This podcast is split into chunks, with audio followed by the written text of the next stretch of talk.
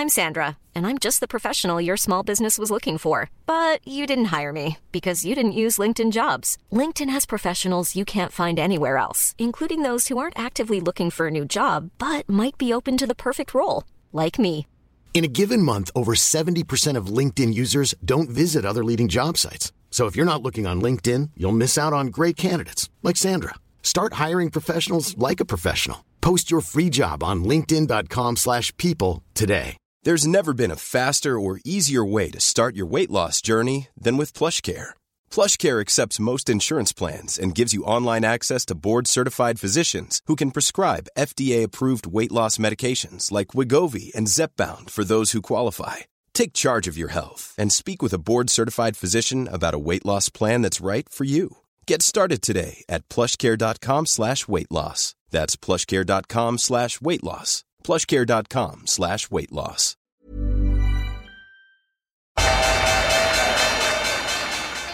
They mistook leverage for genius. Leverage for genius. I would recommend you, Japan. The governments don't rule the world. Goldman Sachs rules the world.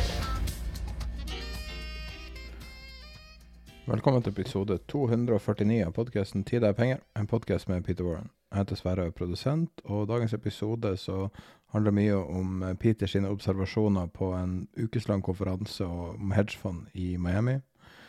Vi skal snakke litt om eh, norske eiendomstall og hvordan de ser ut, og eh, hva det er nøyaktig som ligger bak den ekstreme veksten til Meta. Denne episoden er presentert av Otovo. Otovo er en selger av solcellepaneler på taket. De gjør hele jobben for deg. Og eh, hvis du ikke har fulgt med på prisene, så har de falt veldig mye det siste året. Eh, du kan gå og sjekke hva prisen er akkurat nå på otovo.no. Bare legg inn adressen din der. Denne episoden er presentert av Dealflow. Dealflow er en slags børs for tidligfaseselskaper. De har hjulpet 118 selskaper å finansiere seg. Totalt 785 millioner kroner. Og akkurat nå har de fem selskaper de er i prosess med å finansiere opp. Du kan lese mer om det på dealflow.no. Denne episoden er også presentert av Fixrate. Fixrate er den enkle veien til bedre rente, som de sier, for bedrifter. Så bedrifter har ofte kanskje under 1% i rente på, på sine innskudd. Eh, og det er jo ofte vanskelig å få den høye renta som du måtte fortjene. Og med Fixrate så kan du akkurat nå få 5% rente på innskuddet for bedriften din. Les mer på fixrate.no. Denne episoden er sponsa av IG. Og hvis du har eh, hørt på podkasten lenge, eller gått tilbake og hørt fra starten, så vet du at IG har vært samarbeidspartner med Tid er penger siden starten. Så allerede på episode én hører du IG. Så la oss, nå når det er kvartalspresentasjoner og, og det er en kvartalssesong i hele verden, så kan vi gå gjennom plattformen til IG og bare si alle måtene du kan eksponere deg long eller short for oppturer eller nedturer i aksjer, avhengig av hva du forventer av eh, de kvartalsrapporteringene. Så det IG kanskje er mest kjent for, er CFD, Contract for Difference. Det er da en, et derivat som deriverer sin verdi fra underliggende, underliggende aktiva, og fungerer på mange måter litt som en aksje. Da. Det beveger seg i takt med de underliggende aksjene. Så under CFD-a så kan du begynne å scrolle. Det er da eh, Norge Skal vi se, tar landene opp her. Eh, Australia, Belgia, Canada, Danmark, Finland, Frankrike osv.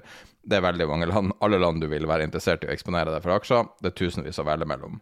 Like lett å gå long som short, og det her fungerer da som egentlig som en vanlig investering. Eh, litt annerledes, men det er et derivat. Så går vi inn på Turbo24. Så under Turbo24 så er det tre forskjellige måter å eksponere deg for aksjer. Og først så er det det som heter Turbo24.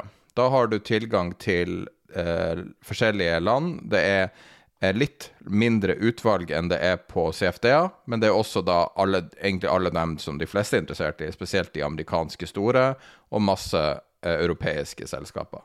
Dette er da Turbo 24 warrant, som er da såkalt knockout warrant, som har et nivå der du enten skal ikke overstige eller ikke falle under, for da går den til null. Så det har en litt annen struktur beveger seg mer kanskje som en hvis man tenker en opsjon, men det er litt teknisk lettere å gjøre. Så det er det man kaller turbo 24. Så da velger du retning, men så velger du også knockout-nivå. Så jo tettere knockout-nivå, jo større risiko er det. Så har du det som er vanlig warrant. Da har du eh, en warrant uten et knockout-nivå. Og da har du igjen tilgang til massevis av, eh, av selskaper. Alle de store. Stort sett alt du kan finne. Til slutt har du bull- og bær-sertifikater, som er notert. Så det er de forskjellige måtene du kan eksponere deg for aksjer på IG sin plattform, hvis du har lyst til å, å trade enkeltaksjer. Og i de her kvartalsrapporteringstider så er det jo store bevegelser på aksjer, og mange er interessert i det. Uh, du kan lese mer på ig.com no. Husk også at det er stor risiko knytta med trading. Ikke invester mer enn du har råd til å tape. En enkel måte er å gjøre mindre trade, mindre tap. Rett før vi starta i dag, så uh, kom det tall fra Eiendom Norge som uh, var oppsiktsvekkende bra. vi kan ta og lese opp de overskriften. Kraftig prisvekst. Boligmarkedet er tilbake. Norske boligpriser steg 3,4% i januar. Eh, og da uttaler eiendomsmeglere seg med eh, stor glede om det. Og eh, det her kommer da på eh, halen av diskusjon rundt de samme Eiendom Norge-tallene, og hvordan metodikk de bruker for å samle dem inn, og hvordan metodikk de har gjort på diverse justeringer og sånn som har versa i avisene de siste ukene. Hva syns du om tallene, er ikke det litt overraskende bra? Jo, altså jeg, jeg steppet av et, eller jeg gikk av et fly eh, fra, fra, utlandet og så de der eh, tallene, og den umiddelbare reaksjonen min er at her er noe som ikke stemmer. Jeg tror ikke på disse tallene, det gjør jeg faktisk ikke. Ut ifra det jeg har fulgt med i eiendomsmarkedet i eh, januar. Og, og i, i tillegg Altså Det ene er at jeg har fulgt med i, i markedet, hvorav, hvorav, eh, de handlene jeg har fulgt med på Nå er det riktignok i Oslo, så hvis dette her gjelder helt andre områder, og at det er der veksten er, så skal jeg være veldig forsiktig med, i hvert fall for Oslos del. Så har, har du sett at, at handelen har gått under. Det har også, også øh, eiendomsmegler bekreftet at de går under prisantydning og at det har vært et stort utbud. Altså, og, og, det er jo for så vidt bra at uh, nå har liksom selgerne kommet. Men jo flere selgere i forhold til kjøpere, så er det det er noe som heter tilbud og etterspørsel. Antageligvis gjelder det også eiendom. Men jo flere selgere i forhold til kjøpere har en tendens til å presse prisene ned og ikke opp. Så det er så diametralt motsatt av, av det jeg har hørt, og eiendomsmeglere også har uttalt, at jeg må innrømme at jeg trekker de der tallene i, i, i tvil. Men så får jeg etterpå høre, fordi vi, vi snakket uh, sammen nå rett før, at her, er, her, har man begynt å kalkulere disse tingene på en, på en ny måte. Og i tilfelle så, så, så, uh, så skylder man jo å, å, å sammenligne med, med, representative tall i, i så fall. Så men det er min umiddelbare reaksjon på det. Og så forteller du meg at flere andre også har, har reagert. Og, og, det gjør meg litt altså Det er ikke det at jeg har behov for, for bekreftelse på, på, på, hva jeg mener om dette, men, eh, men, det, men det, er godt å høre at, at også noen andre, altså, og da gjerne folk med regneferdigheter, har, har eh, inntar samme holdning. Kan også si at det er en del uh, skyggetall i det her. Uh, det er jo veldig mye større boliger som ikke blir solgt. Og det du ser i tallene, er mye drevet av små leiligheter med da høy kvadratpris, som har vært trenden det siste året. At store leiligheter, f.eks. 100 kvadrat leiligheter, er veldig vanskelig å selge, mens 20-30 kvadrat leiligheter er lett å selge. Ja, det er jo altså, også jobba på det. Ja, det, altså, det, Nå har ikke jeg sett på, på kalkuleringer hvordan man, man, lager dette her, og, og, og, beregner dette her, men hvis, hvis, små leiligheter, sånn som du snakker om 20-30 kvadratmeter, er overrepresentert, enten fordi man har valgt å over, overrepresentere det, eller fordi at det foregår transaksjoner der, men ikke i større, eh, så, så er det jo en bias i utgangspunktet Altså, da, da, da er det jo en skjevdeling av hvordan dette, av, av, av, av, hvordan dette beregnes fra start av. Nå sier jeg hvis, for jeg har ikke sett på, på beregningen. Men, det, men det står, poenget mitt er at det står i så grov kontrast til det jeg har sett med egne øyne, og det jeg er blitt fortalt, og det jeg har lest, at det, jeg får ikke dette til å henge på greip, rett og slett. Jeg har aldri egentlig trukket uh, Eiendom Norge i, uh, i, i, tvil tidligere, men akkurat her må jeg si at her trekker jeg disse tallene her trekker jeg i tvil. Kan jo si at det er vel ikke helt ulikt det vi har følt med, følt med aksjemarkedet og Magnificent Seven, de syv aksjene som har drevet SMP 500. og Det man ser, er jo mye problemer i det man kaller Main Street. Ja, og det er riktig, men, men det, er, det, er, helt riktig. Men det har, har, man jo oppdaget, omtalt og, og, vært enige om. Det er, altså, her er det, Når det gjelder da Mag7 i forhold til uh, The Boring 493 aksjene i, uh, i SMP 500, så er jo dette analysert fra, fra en rekke hold, transparent. Du vet hvordan det beregnes, det er ingen tvil om uh, hvordan, dette, hvordan dette kalkuleres. Og at de syv aksjene, altså Magnificent Seven, har dratt, uh, har dratt, børsen opp, det har jo vært omtalt i massevis av uh, nyhetsmedier. Så det er ingen tvil om det. Og, og du kan etterregne nøyaktig uh, effekten som disse, disse, her har hatt. så så jeg syns det, det, er litt annerledes enn, enn når du har noe som er vesentlig mindre transparent etter min, min, oppfatning, og særlig hvis man da i tillegg har, har endret på beregningsgrunnlaget.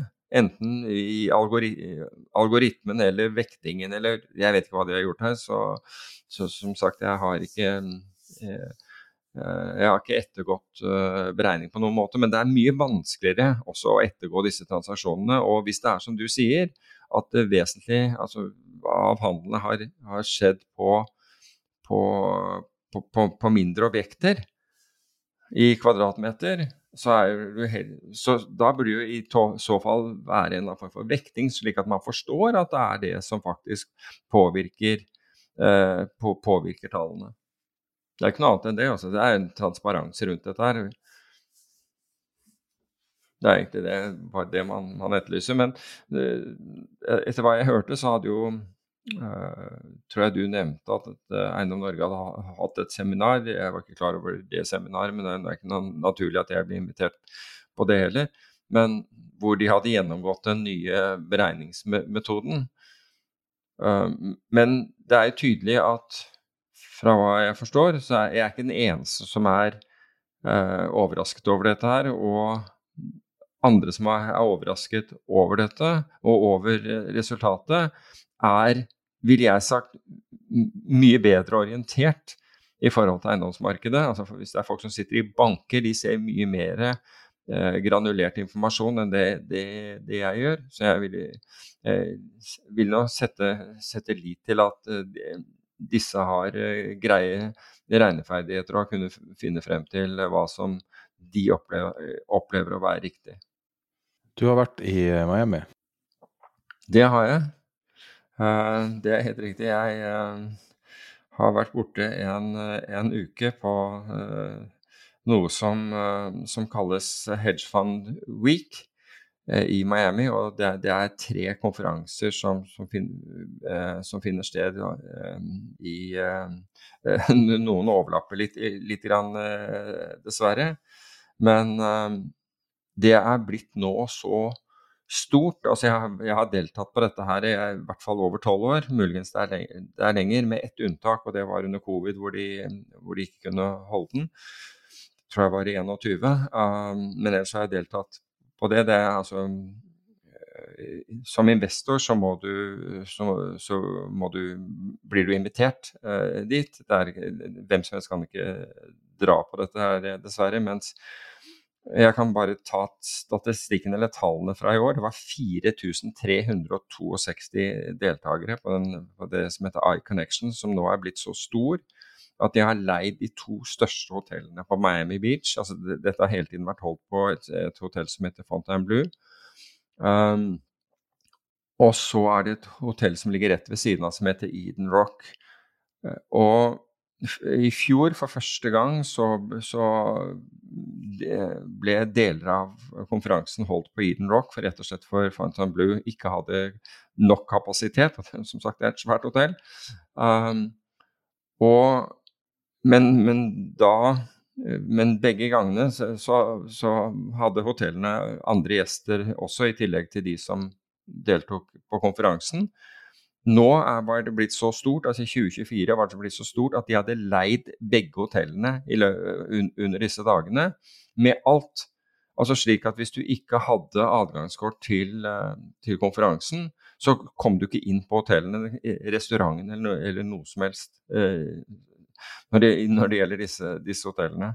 Så 4362 deltakere, to da kjempehoteller, 850 forvaltere 350 milliarder dollar. altså Forvalterne her hadde til, sammen 350 milliarder dollar til, uh, i, i, forvaltningskapital. Uh, det ble avholdt 15 000 møter. Disse møtene er for øvrig uh, Det foregår som Du har én dag med foredrag, og så har du to dager med, med, med intense møter. Og så er det arrangementer ved frokost, lunsj og, og, og middag som, som man enten er for alle, eller hvor man blir, eh, blir invitert.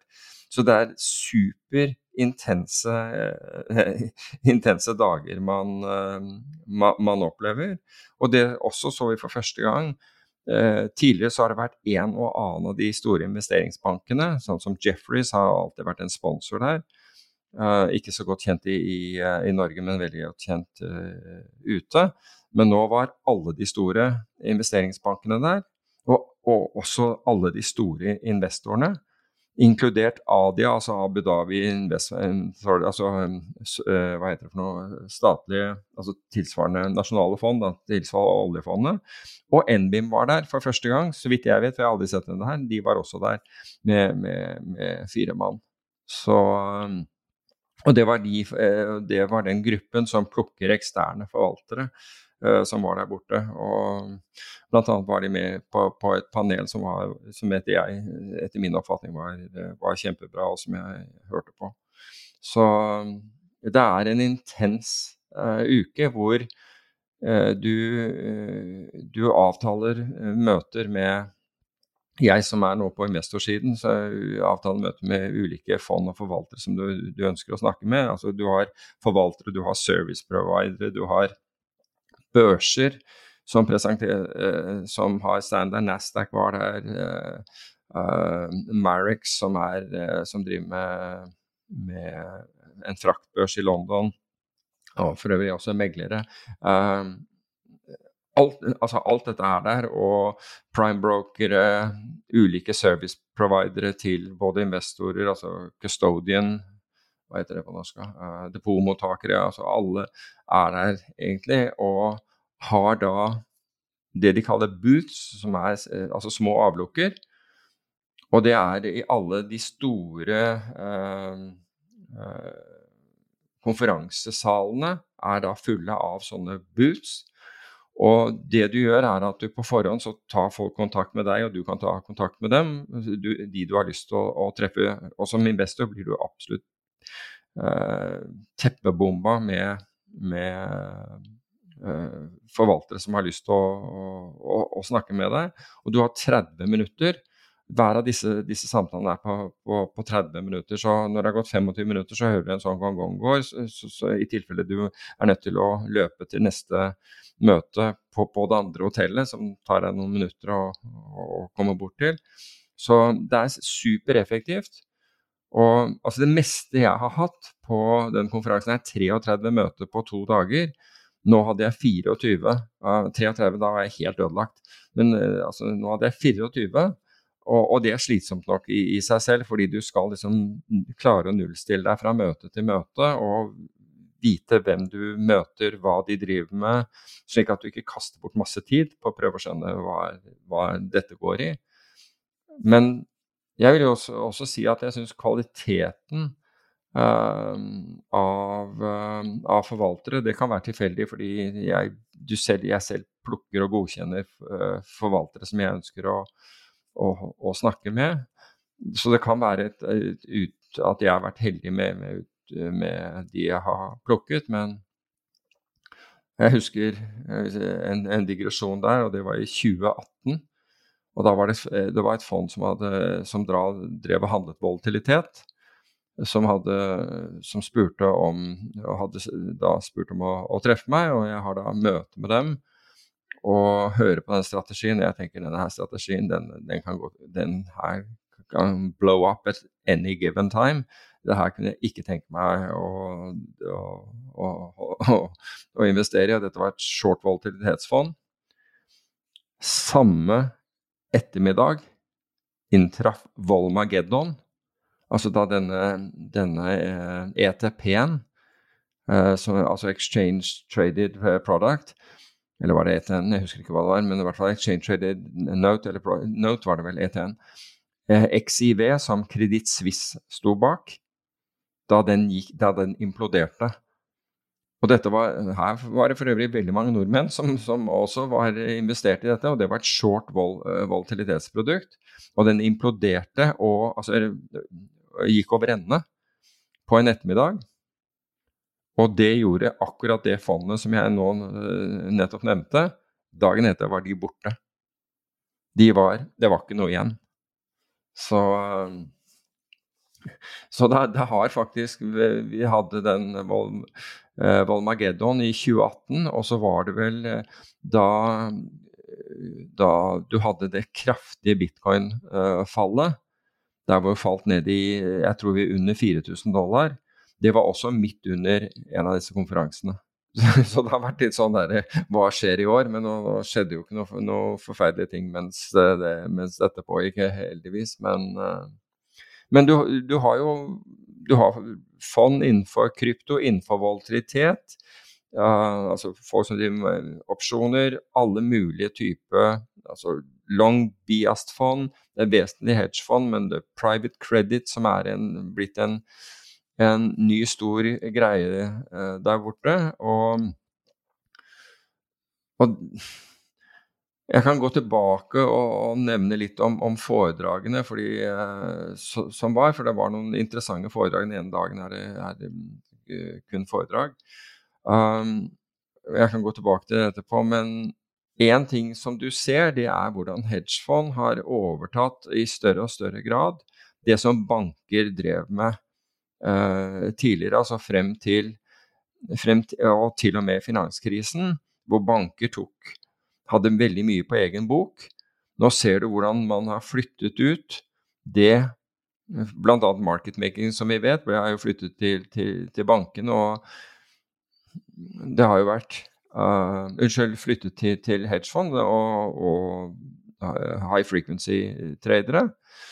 Og jo, du kan si at det er vekslende resultater rundt det, fordi bankene hadde tok jo mye, kunne ta mye på egen bok.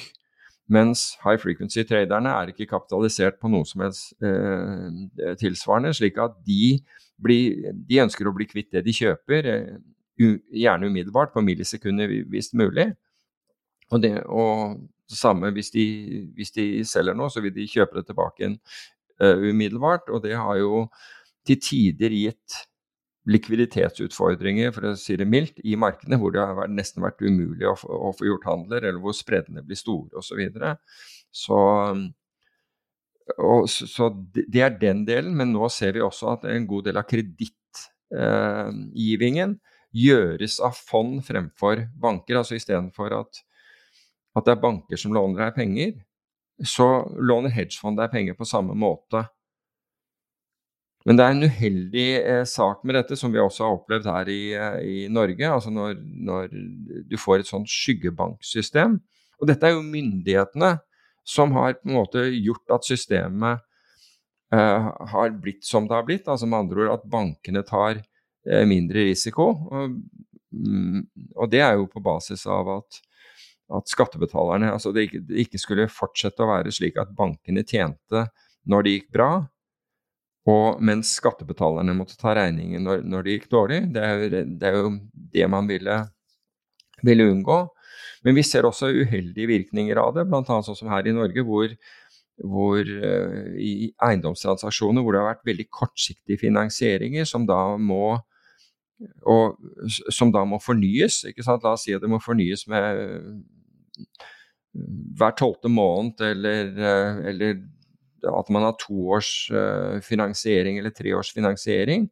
Og i mellomtiden så går renten opp, så, så plutselig så så da, da, er det ikke sånn som det var, hvor du, hvor du kan snakke med, med, med, banken din hvis du har et godt forhold.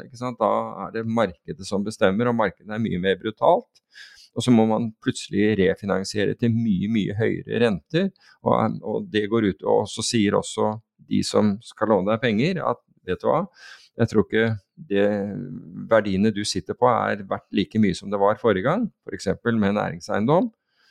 Så, du, så hvis, du, hvis, du, skal være med, hvis du ønsker å låne penger nå, så er du nødt til å, å, å skyte inn mer egenkapital. Og det er jo det som har skjedd i Norge, det har også skjedd andre steder. Men, men vi ser stadig mer bli overtatt av, av, av skyggebankene enn de de vanlige regulerte bankene. Nå skal det sies at disse skyggebankene også er regulerte, men de er ikke regulert på samme måten, fordi de er ikke too big to fail. Slik at de har ikke noen myndighetsgaranti eh, forbundet med seg.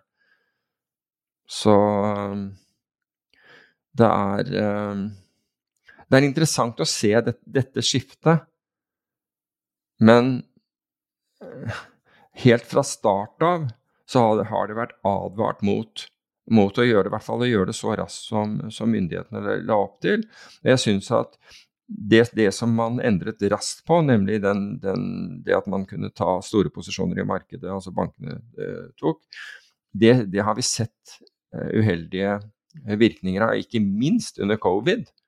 Hadde ikke vært for at sentralbanken måtte på banen, så du kan si at ok, det var ikke noe behov for å redde, banker, men sentralbanken måtte på banen for å, redde, markedene. Og det er jo fortsatt skattebetalernes penger, bare så det er helt klart.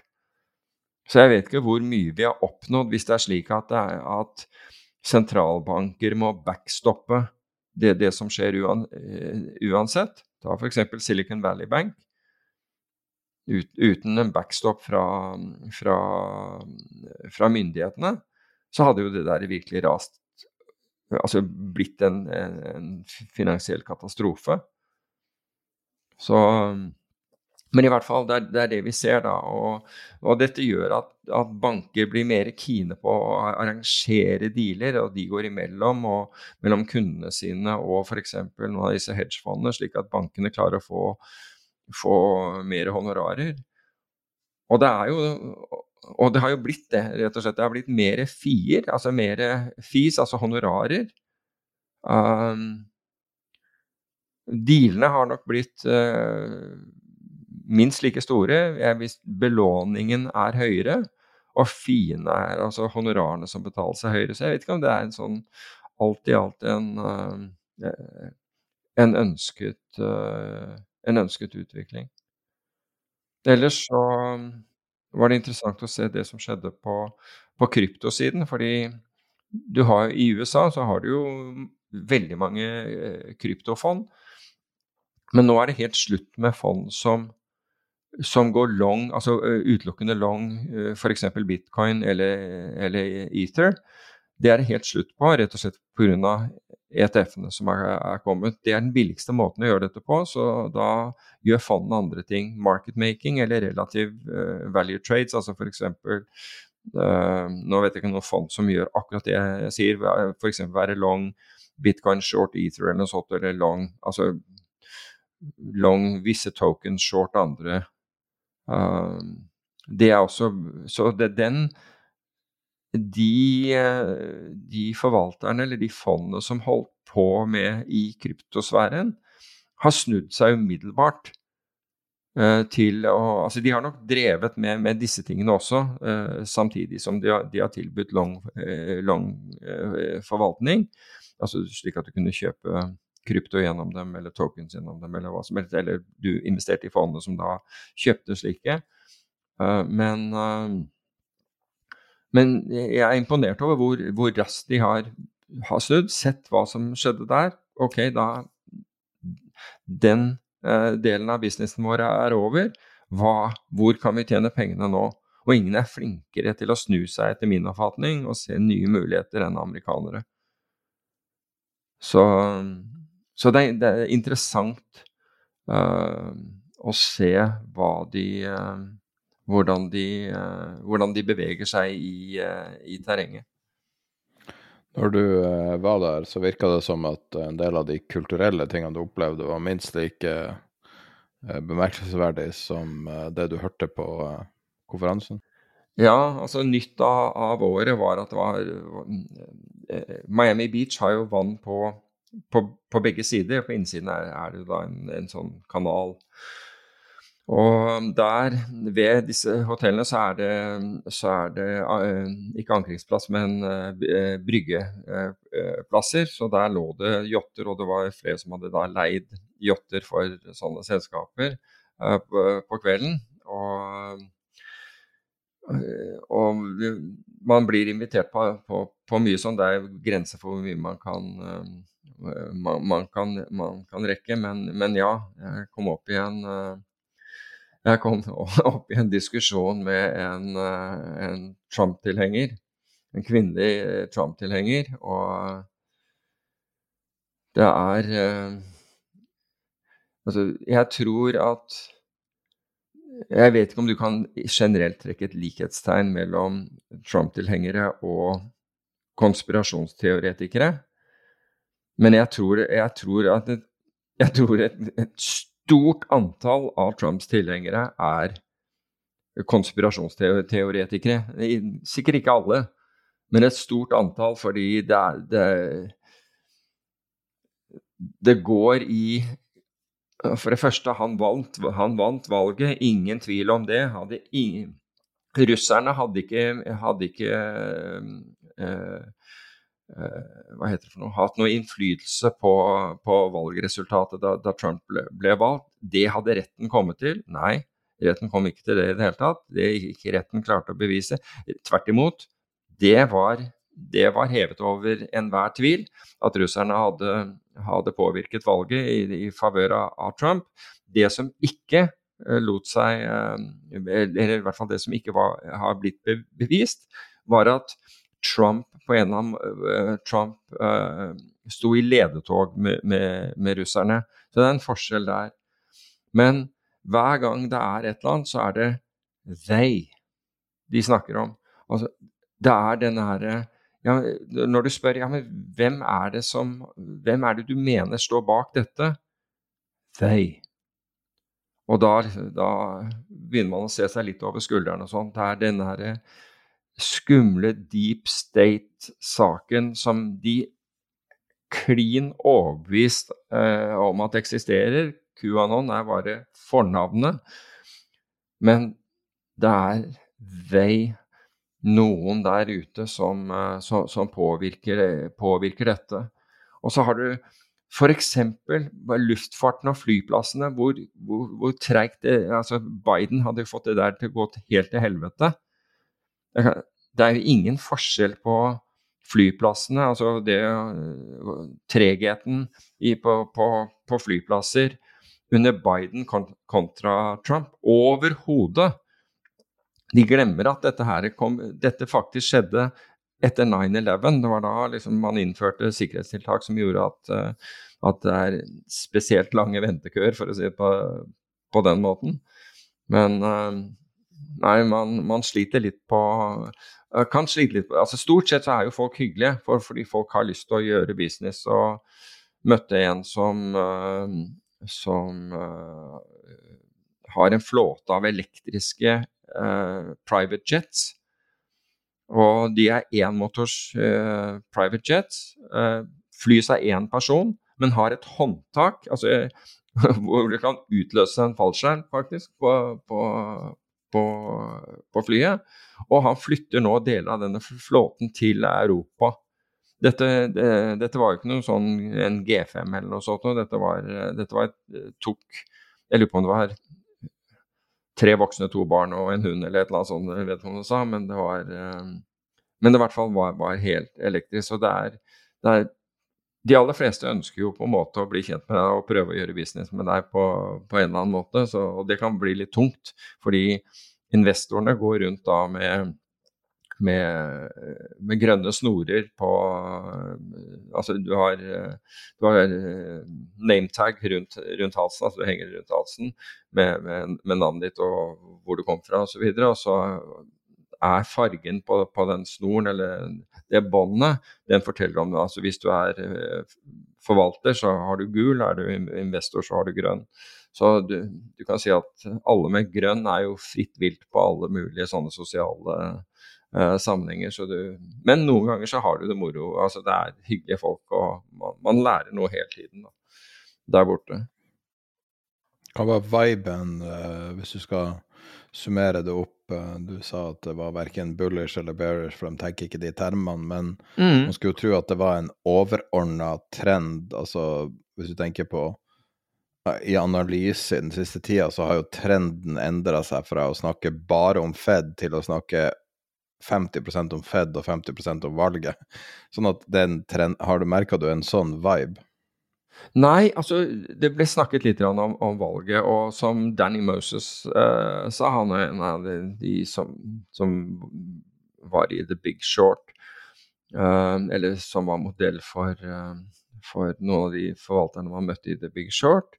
Han sa hvis Trump short, short defense-aksjer, hva heter det på norsk, altså våpen, våpenprodusenter mente han. Fordi, eh, fordi Sannsynligvis fordi han kommer til å kaste Ukraina under, under bussen umiddelbart. Altså, så det, så, og det gjør at denne eh, disse enorme midlene som har gått i den amerikanske eh, våpenindustrien, det vil, det vil, nå slutte. Altså vil, vil slutte hvis, hvis så hvis Trump kommer til, uh, til makten. Men det går mye mer altså de, Diskusjonene dreide seg mye mer om strategier og hvilke muligheter de så innenfor strategiene sine. En, jeg, jeg, hadde ikke en eneste samtale hvor noen sa hvor de trodde SMP skulle være ved slutten av året, eller var bullish eller bearish i det hele tatt. Det ble ikke nevnt. Det ble nevnt altså Man nevnte ting som man så i markedet, som, som kunne være overpriset eller underpriset, eller som hadde forskjellige, typer, forskjellige muligheter. F.eks. Eh, eh, kreditt versus, aksjer, og, og, altså kredittobligasjoner versus aksjer og sånne ting. Mye mer på det tekniske sånne nivået hvor man du vet, Amerikanere de, de snakker jo hele tiden om opportunity. Altså det er, er noe du hører gå igjen, så er det we see, we see a really good opportunity set. Et eller annet som på en måte dukker opp. Og er det noen som er flinke til å se det, så er det faktisk amerikanere. Jeg skal være enig i det, men det er, det er der samtalen uh, I år var, var, var, det utelukkende i de samtalene var det mer sånn tekniske ting. Hvor de så muligheter, og det hadde ingenting med hva hva man trodde egentlig om, eh, om markedet. Jeg hadde en, eh, et møte med, med Chris eh, Sidial, og han er veldig kjent innenfor, innenfor volatilitet, opsjoner og, og, og, den type ting. Han har jo vært i, i en rekke finansforetak hvor han har ledet eh, den virksomheten, altså derivatvirksomheten, både, både uh, tradisjonelle derivater og, og, mer komplekse derivater. Og, og, han har også vært i Jeg lurer på om han var i han, han, har vært i et av de store nasjonale fondene, jeg lurer på om det er Canada sitt, hvor, han, hvor, han, jobbet en, en tid. Men uh, han, var, han, var, svært interessant å, å snakke med. Og, og en ting han, han, påpekte, det var jo at i, altså Vi husker Volmageddon og hvilken effekt det hadde på markedene. Og nå er eksponeringen, short-eksponeringen på volatilitet Og nå er markedene, altså volatiliteten mye lavere enn den var da den er nå dobbelt så høy som den var da Volmageddon uh, inntraff. I tillegg så er det antall fond, altså fond som shorter volatilitet. AUM-en de har, altså eh, forvaltningskapitalen de har, er nå ti ganger det som var under Volmageddon. Jeg hører utrolig mye om shorting av vold. Ja. Det folk sier, er at de, eh, det har ikke vært en nedtur i markedet på fire år. Det har ikke vært uh, vold i markedet på fire år. Mm. Så det har ikke vært økt uh, volatilitet og økt priser på forsikring på fire år. Og da er det her til evig tid. Hvorfor ikke bare shorte det her og, og få betalt for det? Liksom?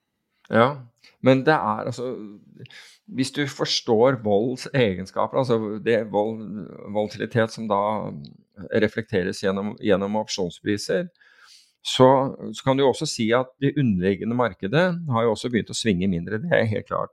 Men hvis du presser ned opsjonsprisene, hvis du fortsetter å presse ned de, så kommer det til et nivå hvor opsjonsprisene blir billige. Altså da, da svinger markedet mer enn opsjonsprisene. Mer enn, du, mer enn, det du, får betalt. Nå er det en syltynn premie, men den er syltynn. Og hvis du da får en dislocation, uansett et eller annet skjer, så er vi virkelig ute å kjøre. Altså da, da, kommer det til å være en margin call som du, ikke, som du aldri har sett maken til eh, tidligere. Og det var, jo, det var, jo, rett og slett margin som gjorde jo at, at uh, eh, XIV, altså dette produktet til uh, Credit Suisse, gikk til helsike. Altså fordi margin, altså margin-kravet gikk så fort opp. Altså, dette skjedde bare på noen timer. Det tok ikke timer engang for at det, at det, skulle skje. Og dette er et produkt som folk trodde var Eller i hvert fall oppførte seg som, som om det var like sikkert som, som en bankkonto. For de hadde, de hadde fått inntektene hele tiden. Og folk snakker om sharp ratios på tre og fire og fem, og forstår ikke at og forstår ikke at det er det du At den risikoen som, som, kan skje, men som du, ikke, som du ikke ser i øyeblikket, knuser Altså, det gjør det helt uaktuelt å bruke sharp ratio som, som en, eh, noe som helst form for måltall. Og det er det skumle. Nasim Taleb snakker jo om det, han var jo for øvrig der. og eh, Forrige mandag så da var jeg invitert på det, det var universet dette Eh, fondet som ble startet av Mark Spitznagel, som jobbet for uh, Nasim. Da Nasim la ned fondet, så flyttet Mark til uh, vestkysten av USA og, og startet da Universa. Og, og det, er, det, er, et Longwall-fond, bare så det, det, er sagt. Men de hadde uh, Universa hadde leid en yacht på, på, på, mandag, men jeg landet etter at, at dette her var i gang, så, så jeg fikk ikke anledning til å, til å delta, men der snakket jo bl.a. Nasim om det som han alltid gjør, for, for så vidt. Um, forskjellen mellom f.eks. For jeg nevnte Chris eh, Sidial og, og, og, Universa. Det er jo at Universa hele, tar hele tiden Altså, de, de kjøper opsjoner hele tiden, så du kan si at hvis de opsjonene forfaller verdiløse, så tar de små tap hele tiden i håp om at de skal få en stor gevinst. Og det har de fått i, i, innimellom. Um, de fikk det under covid bl.a., en kjempegevinst under eh, covid. Mens Chris Ideal har da designet dette på, på en annen måte, slik at du har ikke den du, du, taper ikke måned ut og måned inn. Det var jo det som gjorde at Nasim måtte legge ned fondet sitt til slutt. Fordi det hadde ikke skjedd noe på så lenge. Og, selv, og han tapte hver eneste måned. Og selv om han hadde gjort investorene klar over at det var strategien, så til slutt så orket selv ikke de som, de som var med som seed-investorer fra starten av, å tape penger hver eneste måned. Det liksom Hver eneste måned, måned var det ned. Og så stengte jo Nasim fondet. Og det neste, og det neste som skjer, er jo, er jo finanskrisen. Men um, Så det var jo liksom veldig, veldig uheldig timing. Mens uh, Chris Ideal, liksom han I 2020 så var det vel opp 300% Og du kan si at du kan godt Altså, du vet at du er forsikret hvis det går gærent. Og så taper du ikke altså I, i tilfelle så er det minimalt. Uh, I perioden hvor det ikke gjør det, så er jo det en ganske hyggelig forsikring å sitte på. også tenk på forsikringen din på, på, en bil. Du betaler den, og den eh, Hvis det ikke skjer noe, skjer noe, det året, så har du i anførselstegn Jeg tenker ikke på det sånn, men veldig mange eh, tenker på det slik når det gjelder finansmarkedene. Da har de liksom tapt de pengene. De, de har tapt den premien. Og er, de klarer på en måte ikke det. Du tenker ikke på når det er bilen eller undulaten eller, eller, hva du holder på med. Ellers da tenker du ikke på det som en tapt premie. Du er veldig glad for at ingenting har skjedd i perioden. Men hvis det først skjer noe, så har du i hvert fall betalt for, å, for at du er, er, er, dekket. Og det som Chris Ideal har gjort, er da å, å, å komme opp med en metode som, som, er, som er til forveksling lik den, vi, den, som vi hadde i, i Warren Short Term Trading, hvor vi brukte Eh, brukte eh, tradinginntekter til å betale for, for opsjoner. Så den er til forveksling lik den. Han har sikkert gjort det på en litt annen måte, men den er til forveksling lik den. Men, og han satser egentlig kun på sånn halerisiko, altså i tilfelle det virkelig skjer noe der ute. Så, men de er i så mindretall. Altså de, de, de som er i, i, eh, helt klart overtall, det er de som selger volatilitet. Og de presser da ned prisene, og det gjør, det jo veldig hyggelig for de som ønsker å, å kjøpe seg forsikring. Så det er eh, det, det er muligheter, men, men, du ser jo det at det er mye lettere å få inn penger til noe som, som gir inntekter hver måned, og det, de fleste vil synes at det, det, er logisk. Men uten at man tenker på risikoen, at Ok, jeg tjener halvannen prosent i måneden. La oss si at du gjør det halvannen prosent hver måned, og det ser ikke ut Og du gjør det det er liksom, Du tjener mellom 1,2 og 1,7% i måneden sånn hver måned. Og så ser det jo ut som altså Hvis du da måler svingningene på det, så er de svært små. Altså volatiliteten på den, på den inntektsstrømmen er veldig liten. Men plutselig så går noe konkurs, ikke sant? Og, og, da er det jo Det er som en bankkonto. Altså, tenk deg at du hadde bankkonto i en, i en bank som går over ende, og hvor du ikke var dekket sånn som man er i Norge. La oss si banken betalte deg 10% for å ha pengene der i eh, 10% i året for, å, for, innskudd. Og det er jo helt fantastisk. Det tikker og tikker og tikker, og tikker inn. Og så går banken konkurs. Ikke sant? Og, og hvis det skjer, så har du, da, da har du 100% av pengene dine er, er, plutselig borte. Altså risikerer du i hvert fall inntil at 100% er borte, minus det du har, det, det du har fått i renter i, um, i mellomtiden. Men det er, det er, et eller annet hvor folk har en iboende motstand mot å betale noe som helst forsikring for, um, på, på finansielle aktiva, bortsett fra Bortsett fra etter at skade har skjedd. Da, det, da vil man gjerne både Da etterspør man bøker om emnet osv. Men det, dette markedet er sånn. Det er, det er egentlig bare å, å, godta det og si at ok, det, sånn er det, og jeg kan prøve å utnytte det så godt jeg kan. Men jeg kommer ikke til å klare å forandre det, eh, dessverre. Var det noen andre foredrag du var på, eller noe som utmerka seg der? Eh? Det er jo, Sist gang var det vel Kim Kardashian som var på scenen. ikke? Du snakka jo veldig mye om Nei, jeg tuller bare. ja, altså Shack O'Neill var jo der. Uh, jeg skjønte ikke helt hvorfor det, men det var noe sånn investering i sportsbrands og, og Han er veldig kjent investor, da.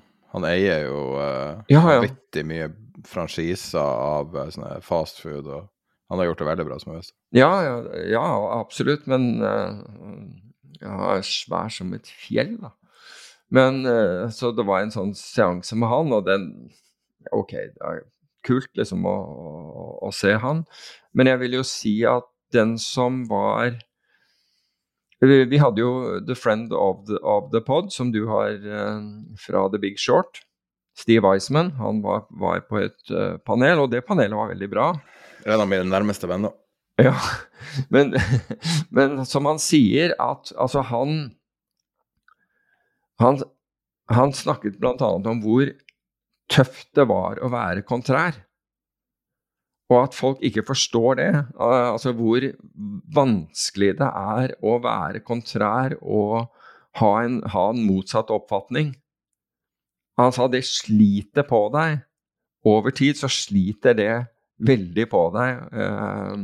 Å uh, være f.eks. en som leter etter shortcaser og, og, og, den type ting. Og nå av de siste så hadde han, hadde han vært long Han sa at jeg har et helt annet liv. Det var, liksom, det var så behagelig. Det var, det var, så helt utrolig behagelig. Uh, så, så, han påpekte det og snakket en del om det, men den, den som imponerte meg mest, var Blythe Masters. Jeg vet ikke om du har hørt om henne, men Blythe Masters ble eh, Hun ble ansatt av JP Morgan. Og på et tidspunkt Altså, hun, hun går opp gjennom gradene i JP Morgan noe så insane, insanely, og blir sjef for, he, for hele råvaredelen til, um, til JP Morgan. Altså tre, hun har 3000 tradere under seg.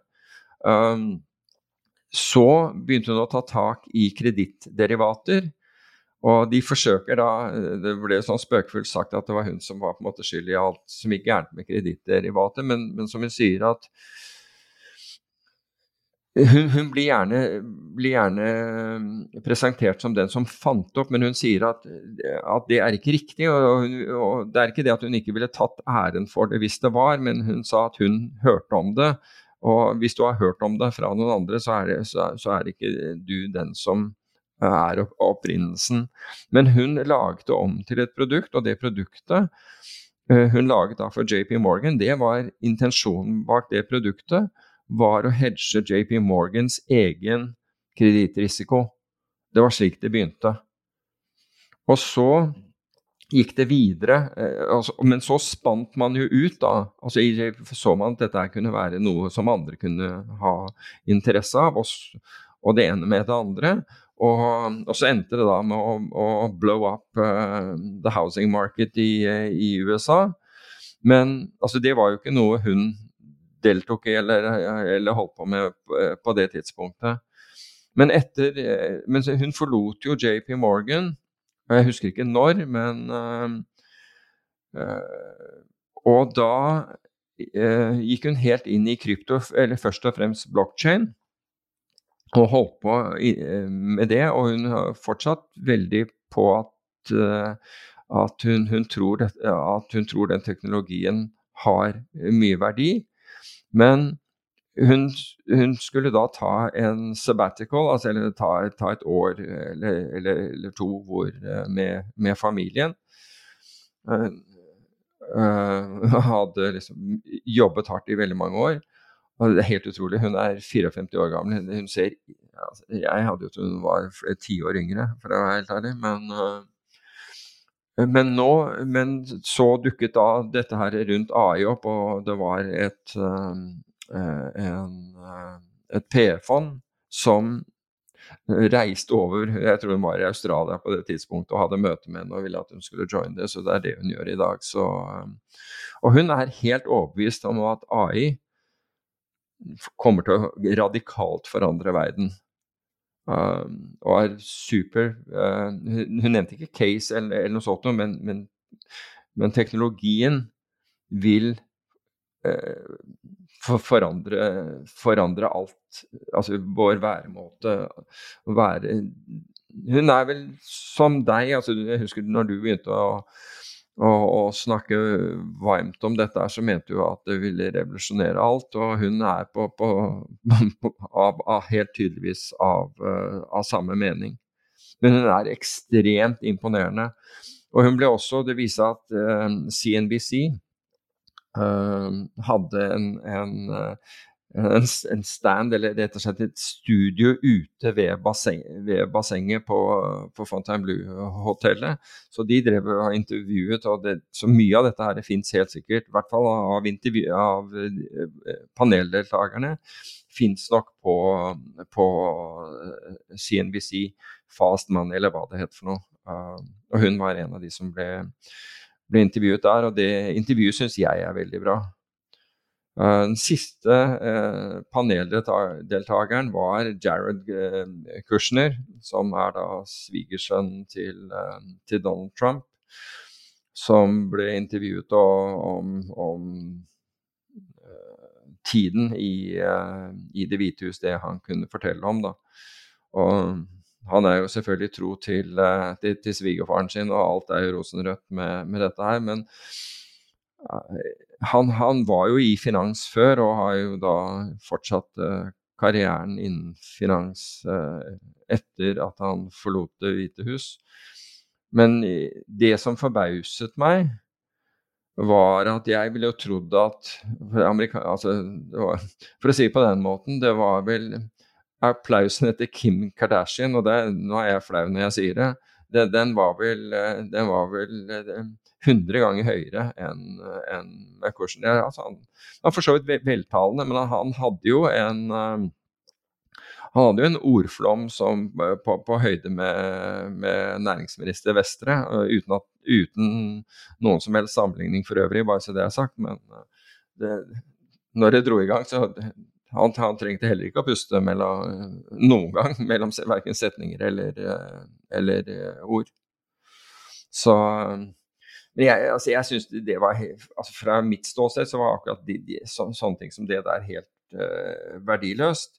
Mens panelet hvor Steve Eisman var, og først og fremst eh, Og også det så, hvor NBIM, eh, som da snakket om eh, det å tiltrekke seg eh, talenter, altså få, å finne gode forvaltere, det var, var kjempeinteressant. Um, Blight Masters, hvis jeg ikke nevnte det nå, hun var, hun var veldig interessant. Og så vel verdt å du, du, får veldig mye informasjon.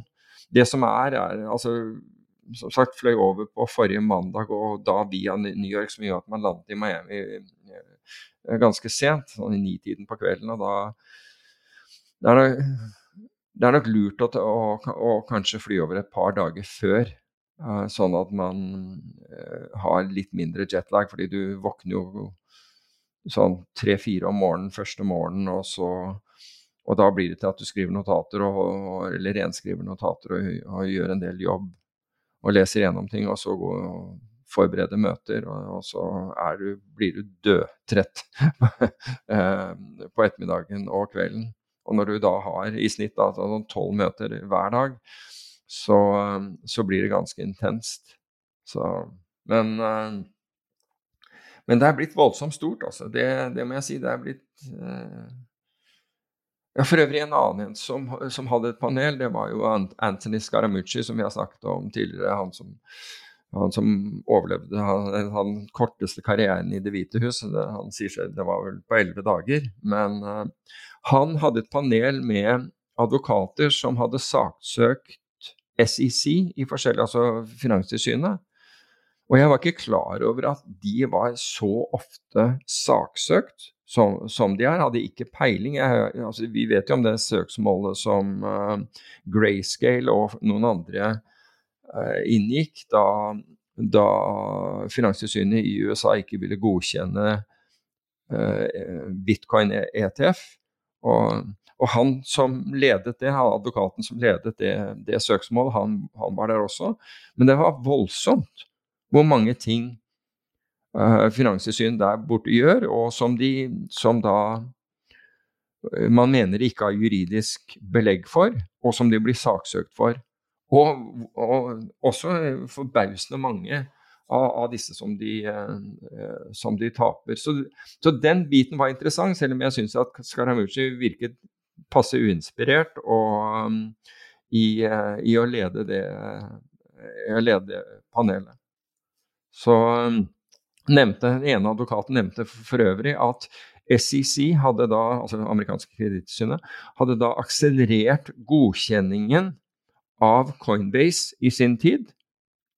Så de pushet det gjennom, altså raskere enn det som, en, en, en det som var vanlig tid å bruke på en, eh, på en sånn konsesjonsbehandling for deretter å, å saksøke Coinbase etter at, de var, etter at de hadde fått konsesjon. Så de sa liksom det er, det er mye rart. Og jeg hadde ikke inntrykk av at Gary Gensler var spesielt populær altså, hos, uh, hos, disse. Så Ellers uh, så det var jo mye snakk om AI, naturlig nok. Eh, og hun, eh, Bright Master viste til liksom, en bok som heter AI or Die. Altså enten er du med, eller så kommer du til å dø. Men, men det, Og mange brukte AI. Men de aller fleste bruk, som brukte AI, brukte det for å effektivisere enten analysearbeid eller, um, eller uh, tradingen sin, altså få tradingmodeller til å fungere bedre sammen eller eh, på, på, på, eh, på, på ulike plattformer, mer enn å forsøke å finne signaler. Altså rett og slett trading-signaler, altså man skulle kjøpe og selge. Selvfølgelig er det en god del fond som gjør, gjør det også, men det var forbausende mange som ikke gjorde det i forhold til i forhold til de, de, som gjorde det. Og Jeg spurte en, han er veldig kvantitativ, og det var, det var for øvrig det siste møtet jeg hadde. Og, og de, de, brukte my, mye maskinlæring, men han sa ut, eh, det som er utfordringen, er at, er at finansielle data er, er inherently noisy. Altså det er så mye støy i, i dataene.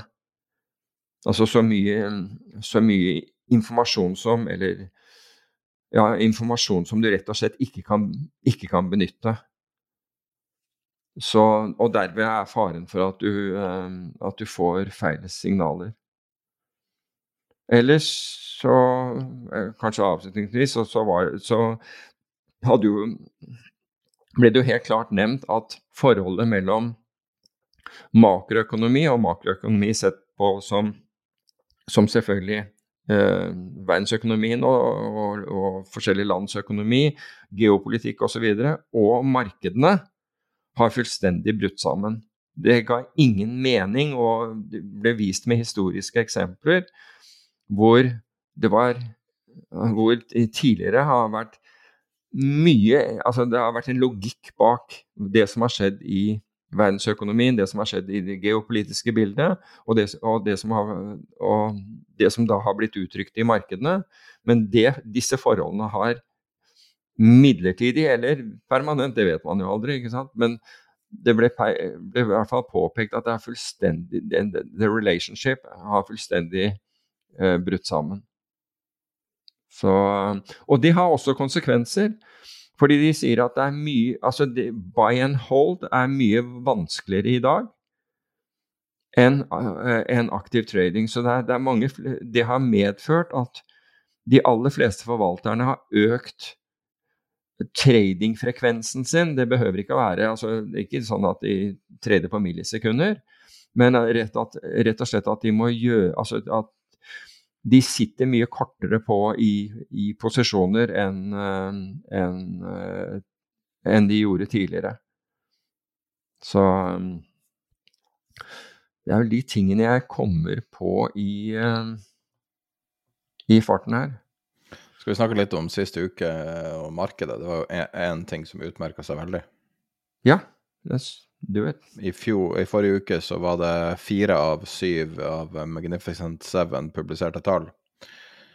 Og eh, det var litt samme trenden som vi har sett tidligere, der på tross av at selskapene leverer på en måte på hele linja, så faller aksjen tilbake igjen, som indikerer kanskje at både at estimatene kanskje er for lave, men også det at man må ha, levere ganske solid vekst for å forsvare den vanvittige verdsettelsen enkelte av de selskapene har. Tenker kanskje på Apple spesielt, som ble straffa utrolig hardt for en bitte liten miss i Kina. Men et selskap som ikke ble straffa i aksjemarkedet, som har en av de mest utrolige gravene vi har sett, er Facebook, som kaller seg mm. Meta. Mm.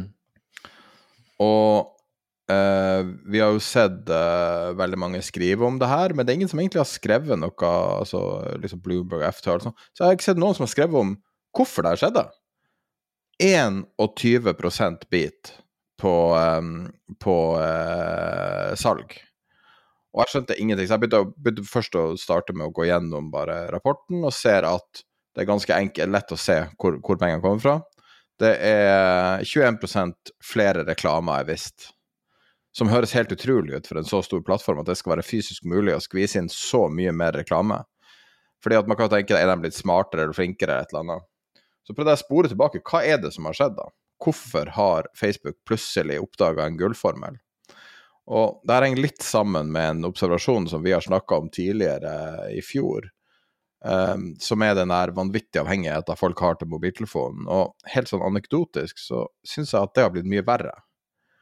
Og uh, det henger på en måte veldig tett sammen med det her biten til Meta.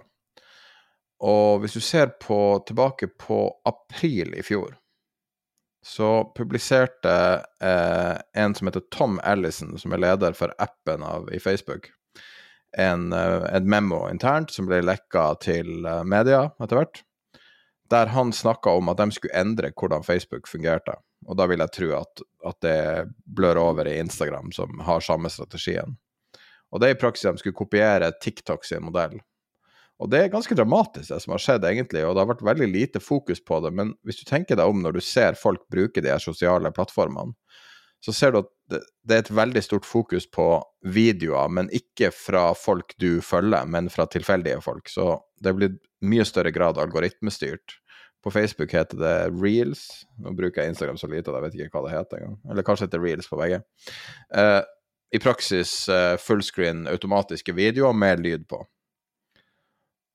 Og det de har gjort helt åpenbart, er at de har gjort de her veldig avhengighetsskapende sosiale plattformene mye mer avhengighetsskapende og mye mer likt kanskje det som var TV før. Og det det her resulterer i da, er at de klarer å skvise inn 21% flere reklamer. Og det er jo veldig bra hvis du eier Facebook-aksjen, eller Meta-aksjen, men det er jo ikke, det er ikke så veldig bra hvis du er et menneske i verden. For du ser jo hvor limt folk er til, uh, til mobilen sin, og hvor mye triviell bullshit som blir pumpa ut, som ikke har noe med sosiale medier å gjøre. Det er ikke noe sosialt igjen. Det er bare pumping av innhold. Og når, når jeg så de her tingene, for jeg har tenkt masse på det her i det siste, altså jeg ser folk rundt meg ikke klarer å legge fra seg telefonen og skal vise meg video av en søt baby eller eller uh, noen som er i en slåsskamp eller et eller annet dramatisk, men sånn, bare sånn ekstrem følelse i en eller annen grad. Men det her er da kokt ned rett på topplinja til Facebook, og hele verden. Altså, prisen er at hele verden er blitt avhengig, og sånn som jeg ser det, så har det Facebook og Instagram og alle de plattformene vært Det det, det har vært, var heroin. Folk var fysisk avhengig av det. Så hvis du, hvis du, glemmer telefonen hjemme, så får du abstinenser. Du er fysisk avhengig av det. Men du var fysisk avhengig av heroin, digital heroin. Mm. Men det som de har gjort nå, er å lage digital fentanyl, som er 100 ganger så potent. Ja, altså men det, Jeg er kanskje ikke den typiske brukeren, men jeg har også sett på sånn uh, på reels. Og, uh, men det har fått meg til å, å være mindre på plattformene enn en ellers. Altså du, jeg syns uh, X, altså tidligere Twitter, altså som jeg nevnte det der jeg får Hvorfor jeg får basketball, aner jeg ikke. samme liksom, grunn. Det er ja, okay. samme grunn. Jo, men det er, ikke noe jeg Antageligvis. Og det har gjort at jeg, at jeg ser mye mindre på, på, på X. Og på, på, samme måte på Facebook, som, som av og til som bladde gjennom, my, ser mye mindre på det. Så det der får liksom den motsatte virkningen på meg, da. Så du kan på en måte gjøre to ting alltid, når du har oppmerksomheten til folk. Du kan cashe ut, eller så kan du bygge. Og for meg så virker Altså, jeg, jeg ble så sjokka over tallene fra Facebook, og klarte ikke å komme over det. Hvordan det er mulig for et så stort firma å ha en 20 %-dag. Altså, for å sette det i perspektiv, da.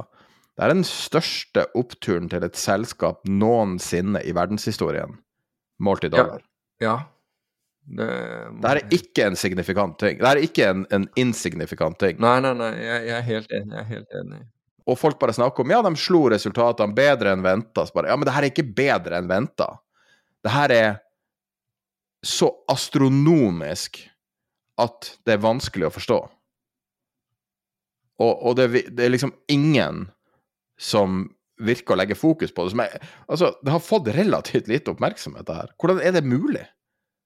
Det var noe sånn som 200 milliarder dollar. Og så, ja, de betaler sitt første utbytte, og, og det er og det er helt fantastisk, og, og alt det. Men, men, det er jo igjen, de, de, begynner å på en måte tømme ut merkevaren. Men, men det her må jo ha konsekvenser. Det her må jo bety noe for framtida. Det betyr i hvert fall at flere går inn i sånn lyktestolper og blir påkjørt. Det er jeg helt sikker, For jeg så jeg ikke, ikke, ble påkjørt, men jeg så folk gå inn i hverandre og inn i, eh, lyktestolper eh, da jeg var i USA nå. Det, det, det er neppe bare i USA det skjer, bare så det er sagt. Men du ser jo folk tryne på, på, på glattisen her også. Nei, men når jeg tar det her opp nå, det, det, er jo sånn sett ikke så kanskje interessant som fra et finansståsted, men på en måte er det jo veldig interessant, fordi at eh, sånn investeringsmessig så er det i hvert fall helt krystallklart at, at Meta har knekt koden, og i Kina TikTok er jo akkurat like, like big business der. Og, men, men, det er noe liksom Du setter de her tingene i kontekst, da. For det er så skamløst, det de gjør nå. Det er så ekstremt, det de gjør nå. Skalaen er så ekstrem. Og samtidig så skal Jeff Bezos selge aksjer. Det spekuleres mm. i om Elon Musk kanskje har lyst til å selge aksjer. Og hva, hva skjedde sist gang når Jeff Bezos og Elon Musk solgte aksjer? Ja, men nå er det vel sånn at Musk vil ha aksjer tilbake, er det ikke det? Han vil ha både aksjer og makt? Ja da, jeg sier bare Financial Times spekulerer i at han vil selge. Å oh, ja. Men til tross for det, denne her 56 eh, milliarder dollar eh, pay-packagen som, eh, som du nå skal ha Eh, som en dommer har, eh, har eh, stanset, og hvor Musk vil flytte Tesla fra Delaware til Texas. Financial Times publiserte en analyse som spekulerer i at han vil ut. At det er en, liksom en off-ramp. Okay. Cash, cash, ut, kanskje. Wow. Men jeg vet ikke. Altså, Poenget er at glem han, da. Bezos vil selge aksjer. Ja, ja. Jeg tror jo, men, 9, altså, 9 milliarder tro... dollar eller noe sånt. Men altså, jeg har jo bare min egen reaksjon på dette her. Jeg ser jo at folk, som jeg nevnte, går rundt og stirrer i telefonene sine hele tiden. Folk, det er helt gærent. Samme er det på restauranter. Folk sitter ikke sant, og stirrer på Møtes, og så sitter de med vennepar, møtes på, på restaurant, og så etter ti minutter så sitter alle og stirrer i sin egen mobiltelefon mens de spiser med den andre hånda. Det er jo det er helt merkelig. Men men jeg, jeg, tenker, altså min reaksjon var, jo som jeg sa uh, på dette her, at, at, det blir mindre uh, skjermtid av, av, dette her. Og hvis, hvis det er altså, kan, det, kan det være at dette rett og slett slår tilbake? Ja, det er jo det jeg sier, og det er derfor jeg trekker deg frem nå. Ja, nettopp. At du, at du får en veldig kortvarig effekt. Ja, ja, det var det jeg mente med at de casher mm. ut. Mm. Fordi enten så går det her da at nå skal du bare For nå er det jo liksom bare Det er jo ikke måte på hvor oppgradert meta ble av det her. og, og hvis du leser de oppdateringene analytikerne hadde, så er det jo liksom bare Alle bare sier wow, wow, wow. Det er liksom unlimited, der du har den veksten de har. Men så samtidig så skal de endre rapporteringsstrukturen og alt sånt, og, og det er jo bare ett selskap av uh, 5000-10 000 store selskaper i USA, liksom. Altså, det er jo ikke så viktig, men samtidig er det så viktig. Mm. Fordi at hele SMP hviler jo på et håndfull selskaper. Og det er litt Det er litt, ikke helt forenlig med det vi ser om Main Street som som vi ikke ser reflektert i, i aksjekursene. Litt sånn som du sier med boligtallene. Litt sånn mm. som du sier med at uh, eh, f.eks. at eh, folk vil shorte vold. Ja. Jeg vet ikke. Jeg, jeg ville bare ta opp det med Meta, fordi at man kan ikke la det gå forbi ukommentert den største oppgangen noensinne i historien. Det går ikke an. Nei, eh, jeg syns det er veldig bra at du tar det. fordi jeg, jeg, har ikke tenkt på det sånn som du tenkte på det. Mye, mye fordi jeg var opptatt med, uh, med andre ting. Men jeg syns jo at det er et et viktig datapunkt hvis det er Hvis årsaken er det, det du sier, altså at de rett og slett altså Jeg vet ikke hva annet det kan være, hvordan de kan få 21% mer inventory. Nei. Nei, det, jeg, jeg, har ikke noe bedre for, forklaring på det. Tenk deg hvis Saudi Aramco skulle pumpe 21% mer olje og selge det uten å påvirke prisen. Ja. For det er jo på den størrelsesorden vi snakker her. Apple, for eksempel, de er jo litt cappa av produksjonen. ikke sant? Det koster så mye å lage det her. Men en annen ting jeg tenkte på også, med, når vi først er innom IT Jeg leste nylig om et uh, relativt lite firma som har gjort det ganske bra fordi at folk flytter systemene sine ut av cloud-systemer. Hva du tror om det? Altså, det har jo drevet hele IT-bransjen. altså Magnificent Seven, når du ser på hva det er som ligger bak, så er jo mye av det er jo at folk flytter hele sin infrastruktur inn på sånne skysystemer, cloud-systemer. Og at den pendelen er i ferd med å svinge motsatt vei fordi at prisene på, eh, på datahardware har falt så mye. De er ned ja. sånn 90 da har, trade, da har, du jo traden igjen, da. Short datasentre, long, long hardware. Ja. Det er, mange ting, det er så mange ting som skjedde forrige uke. Jeg satt også så på AMD-tallene. Mm. Og bare se på hva de bruker på forskning. Altså dollartallet, liksom. Hvor Altså, det er jo selvfølgelig Jeg husker ikke om det var en tredjedel av omsetninga, så det er jo sånn sett en, en akseptabel mengde. Men hele der AI-sulamitten og hele det AI mm. Hele det komplekset er jo fundert på at folk har råd til å betale for det. At man har råd til å betale for computen, man har råd til å betale for strømmen, man har råd til å betale for alt. Men det er jo ikke gitt at man har råd til det. Og sånn som jeg ser nå, så er det fortsatt, med unntak av at, at, uh, Azure, altså at Microsoft kan selge Asher um, kan selge Asher-teamer uh, eller, eller uh, Asher Compute eller Asher lagring. Og bare mer og mer cloud. Og at, at, Google kan selge Google Cloud, og at Amazon kan selge AWS. Så er det jo mm. egentlig ikke en forretningsmodell under det. Det er jo ingen som tjener penger på det her. Og det går så mye penger inn i utviklinga der, og det krever så vanvittig mye. Og, og, og når du ser benefiten opp, målt opp mot reell kostnad, så er det ikke så mye billigere å bruke en AI-ansatt kontra en, en, ordentlig ansatt. Jeg er litt sånn usikker på hvor mye verdi det er i det her, egentlig. Fordi at kosten er så enorm. Kanskje du får et gjennombrudd og alt blir, blir, mye billigere, og at du kan få det samme effekten med en hundrededel av computen. Da er det ikke noe problem. Men uh, er det noen som har snakka om sånne reelle ting på den konferansen du var på, f.eks.?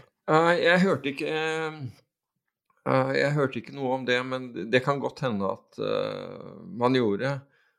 Du, du, kan si at du velger selv hva du Altså de, du, du, definerer hvilke områder du, du, er interessert i, og så vil du helt garantert bli for, forsøkt påsolgt andre ting også. Men folk vet hva, hva, det er du ser etter. Du, du, forsøker å definere det så godt som mulig. Både gjennom strategier og, og kanskje gjennom noe, noe tekst. F.eks. at for min del jeg er ikke ute etter beta. altså uh, I det hele tatt. Så jeg vil ha jeg, Det er alfa-type avkastning, for beta uh, kan, kan, jeg fikse selv. Um, og, og da, da, er det de først som, som, henvender seg til deg, da, og, og, og som du har diskusjoner med.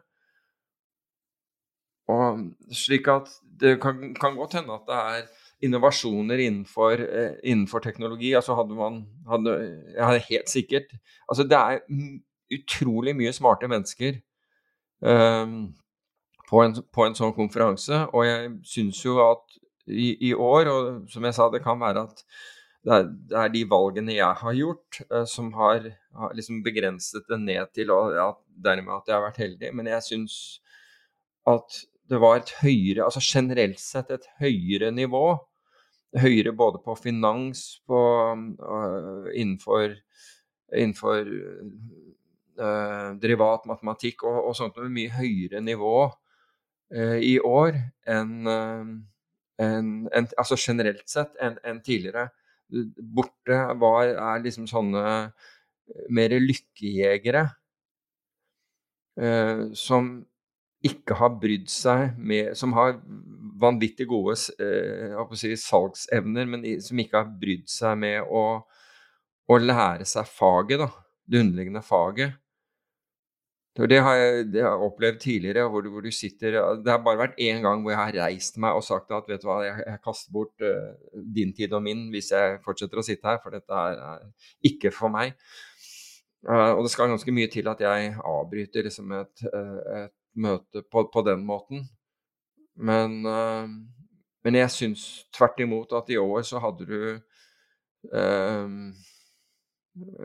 diskusjoner og, og, liksom han byttet meninger om ting på, på, et nivå som virkelig krevde at du, at du fulgte med. Altså at du at du, at you were on your game den, den, mens du satt der.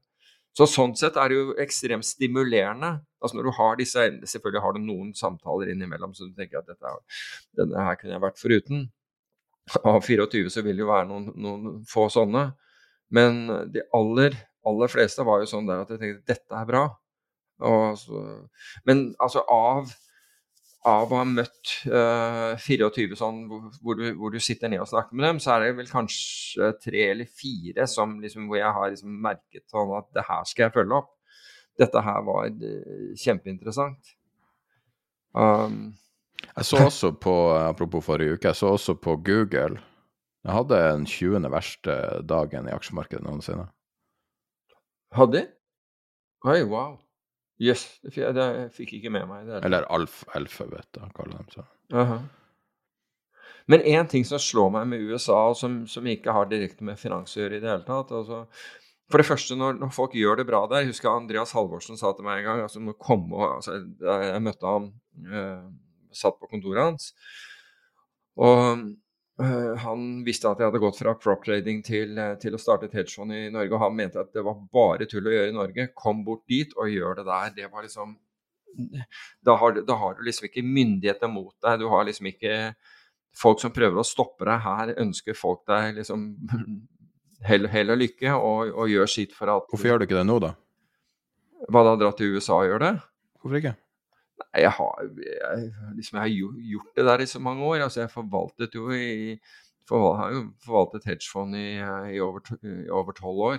Liksom men, men, poenget mitt eh, der er at tallene er så store. altså Når du lykkes der, så lykkes du liksom med ti ganger, hundre ganger det du kunne lykkes med i Norge. Det er helt vanvittige tall du snakker om. Det var, det var for øvrig Eh, et panel der på podcasting, altså finansiell podcasting, med to karer. Den ene het Ted Sides, og, og jeg husker ikke hva han Jason Calicanis. Ja, det var det, ja. Liksom. Og folk liksom Ja, men altså, du, du, du visste i hvert fall hvem han Jason, Jason Jeg har faktisk hatt litt med han å gjøre, og men, ikke men, et ord positivt å si om han. Altså. Nei, men, men, poenget er at de, de blir introdusert av CNBC-gutta, og liksom Gutta har blitt milliardærer i dollar.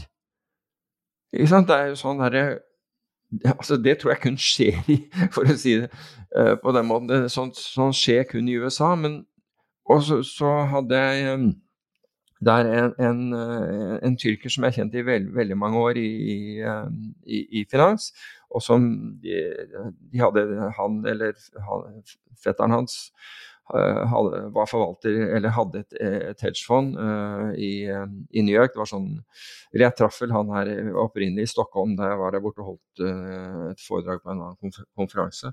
Men hatt med han å gjøre i, i, mange år, og så flyttet han tilbake igjen til Istanbul, hvor han fortsatt er. Men, men han, fetteren, fetteren, har da satt opp et nytt, nytt hedgefond i, uh, i USA.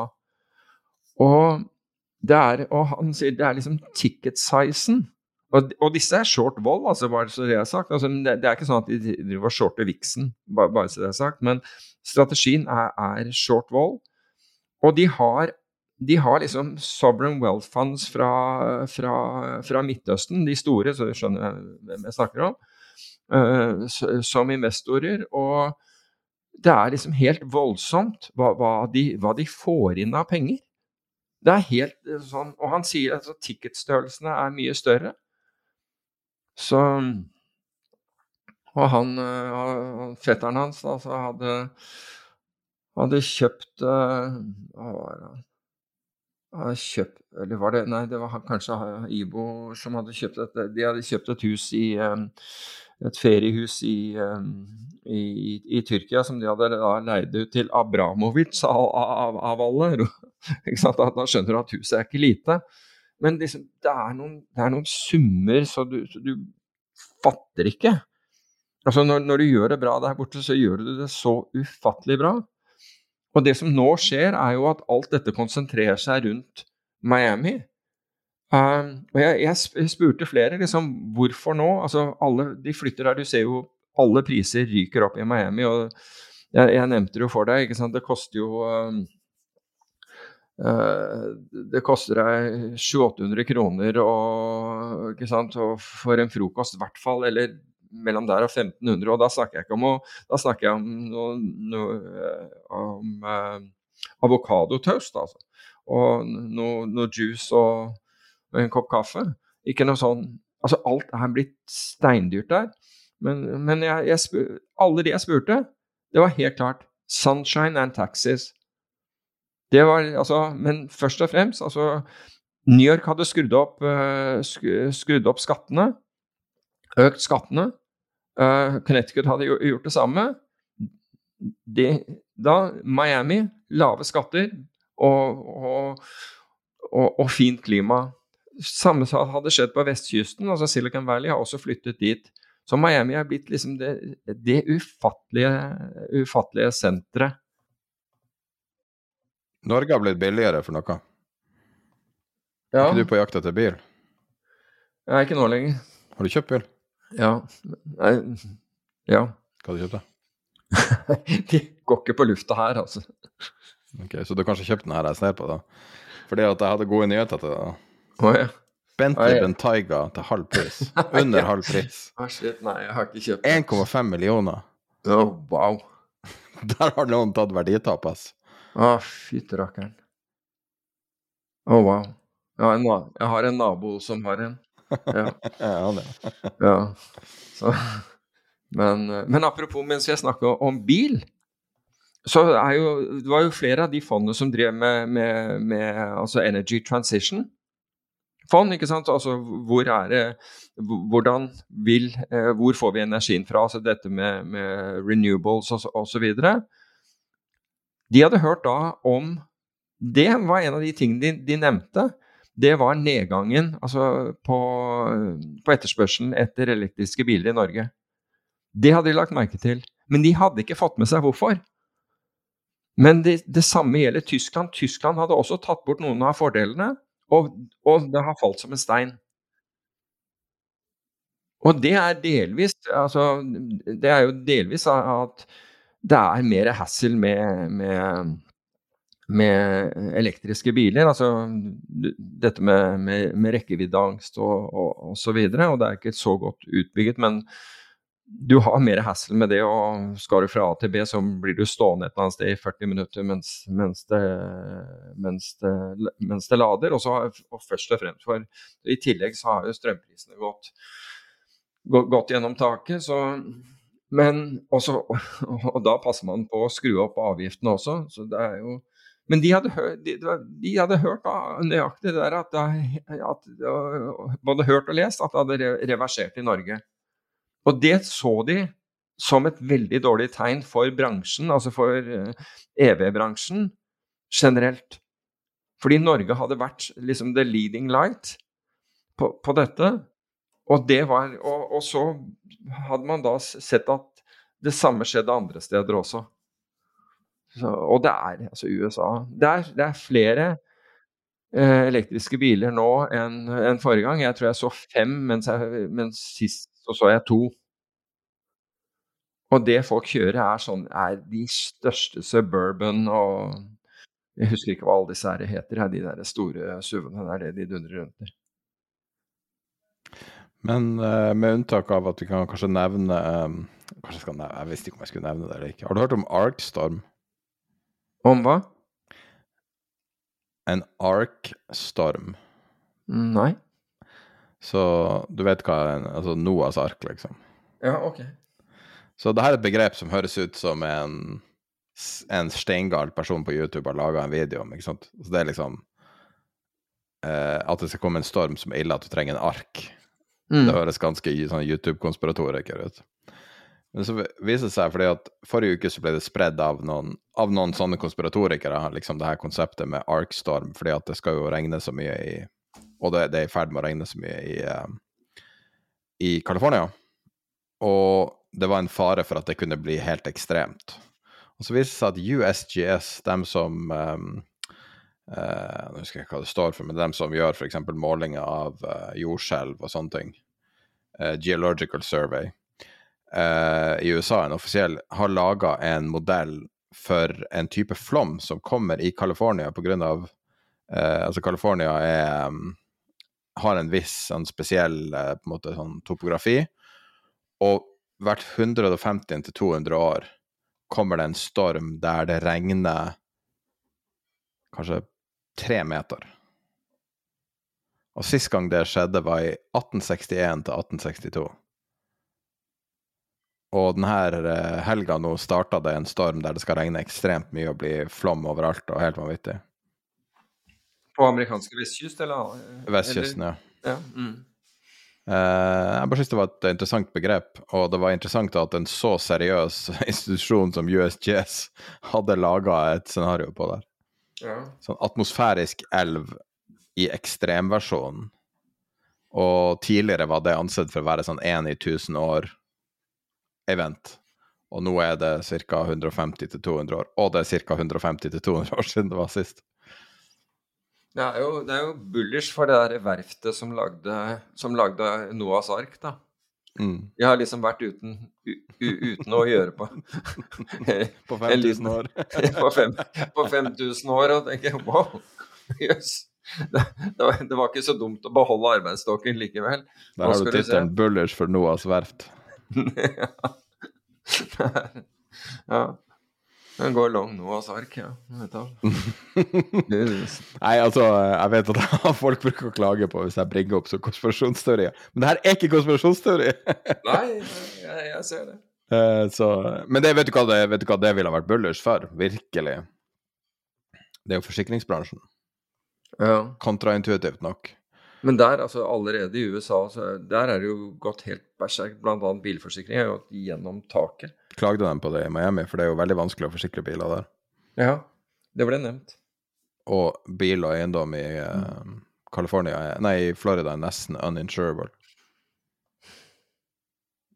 Men du, eh, det var bare én ting som jeg, jeg, måtte nevne. Vi, vi, snakket om altså, inntrykk der bortenfra. Så er det Én ting er det der med, med velstand og rikdom. Og, og, den Du har jo selvfølgelig da et vanvittig velstandskap der borte. Et helt vanvittig velstandskap, Men, samtidig så tror jeg, rett og slett fordi det er så mange som ikke er interessert altså du, Produktiviteten i USA, jeg vet ikke hvordan Altså hvis du tar BNP og deler på, eh, deler på befolkningen, så skal du vel få produktivitet per, eh, per, eh, per innbygger.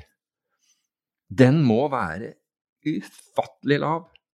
Og hvorfor jeg sier det, det er at det er Altså, hvis du går inn et eller annet sted altså Du, du spør vedkommende som kanskje står i døren, du, et eller annet spørsmål om øh, Er restauranten eh, borte til høyre her eller til venstre?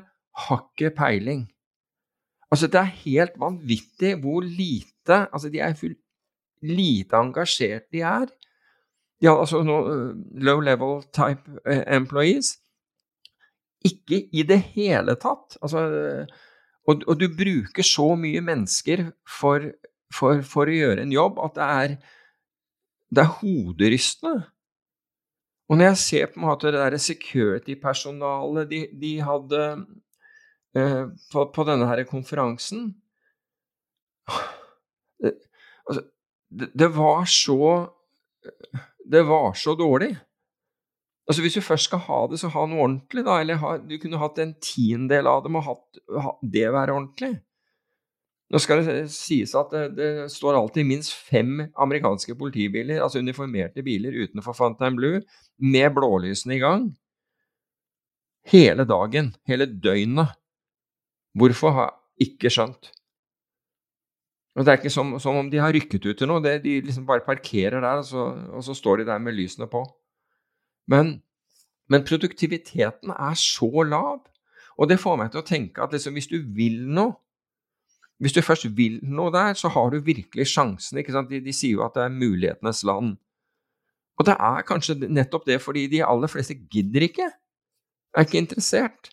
Så hvis du, hvis du vil gjøre en innsats, så vil du stikke deg ut ganske kjapt. Jeg tror det er noe der, altså. Men jeg tror også at de kan umulig regne altså vi, regner det sånn som jeg tenker. altså Ta BNP dele på, dele på, på innbyggerantallet. For da er det kanskje at du må være etnisk amerikansk eller et eller annet. Det er jo ingen som er, når jeg tenker meg om. Men, men det, det, må være noen noe grenser for det. fordi ellers så er produktiviteten er insanely lav. altså. Har ikke folk typ to-tre jobber? Kan godt hende de har, det vet jeg ikke. Sånn Altså, jeg, jeg tror liksom Hvis du har Nå, nå er jo minimum uh, tips på, på, en restaurant Hva heter det? Er det det vi sier på nå? Tips? Eller bruker vi et annet uttrykk? Nei, det heter jo driks i gamle dager, da. Driks, unnskyld. Driks er det Ja, men det heter okay. tips nå, tror jeg. ok. Men liksom, det begynner på 18 og det er for your convenience, så er det allerede lagt til regningen. Men det kan godt hende at det er lagt til 25 òg. Og 30 er det høyeste jeg har sett. Da, men da er det sånn Du kan velge Da har de regnet ut hvor mye du Det er hvis du, hvis du gir 18% 25 eller 30% driks. Og så, når du har gjort det, så kommer det en linje utenfor. Extra gratuity. Og så sier han, hvis det er, hvis det er på en restaurant liksom sånn, Nei, de 28% eller 30% det går til alle, liksom hele staben. Det. Men det du gir i ekstra, det går til han. Det er ikke noe rart å bli dyrt, se. Tips eh, ble jo innført under uh, depresjonen. Så en måte der bedrifter kunne i praksis ikke lønne de ansatte. Og da holde prisene kunstig lav. Mm. Mm. Og da innførte du det tipping wage som var, ned, som var under minstelønna. I praksis ingen lønn. Og all lønna di var tips. Hmm. Nei, det er på en måte en helt fantastisk kultur, og en veldig syk kultur samtidig.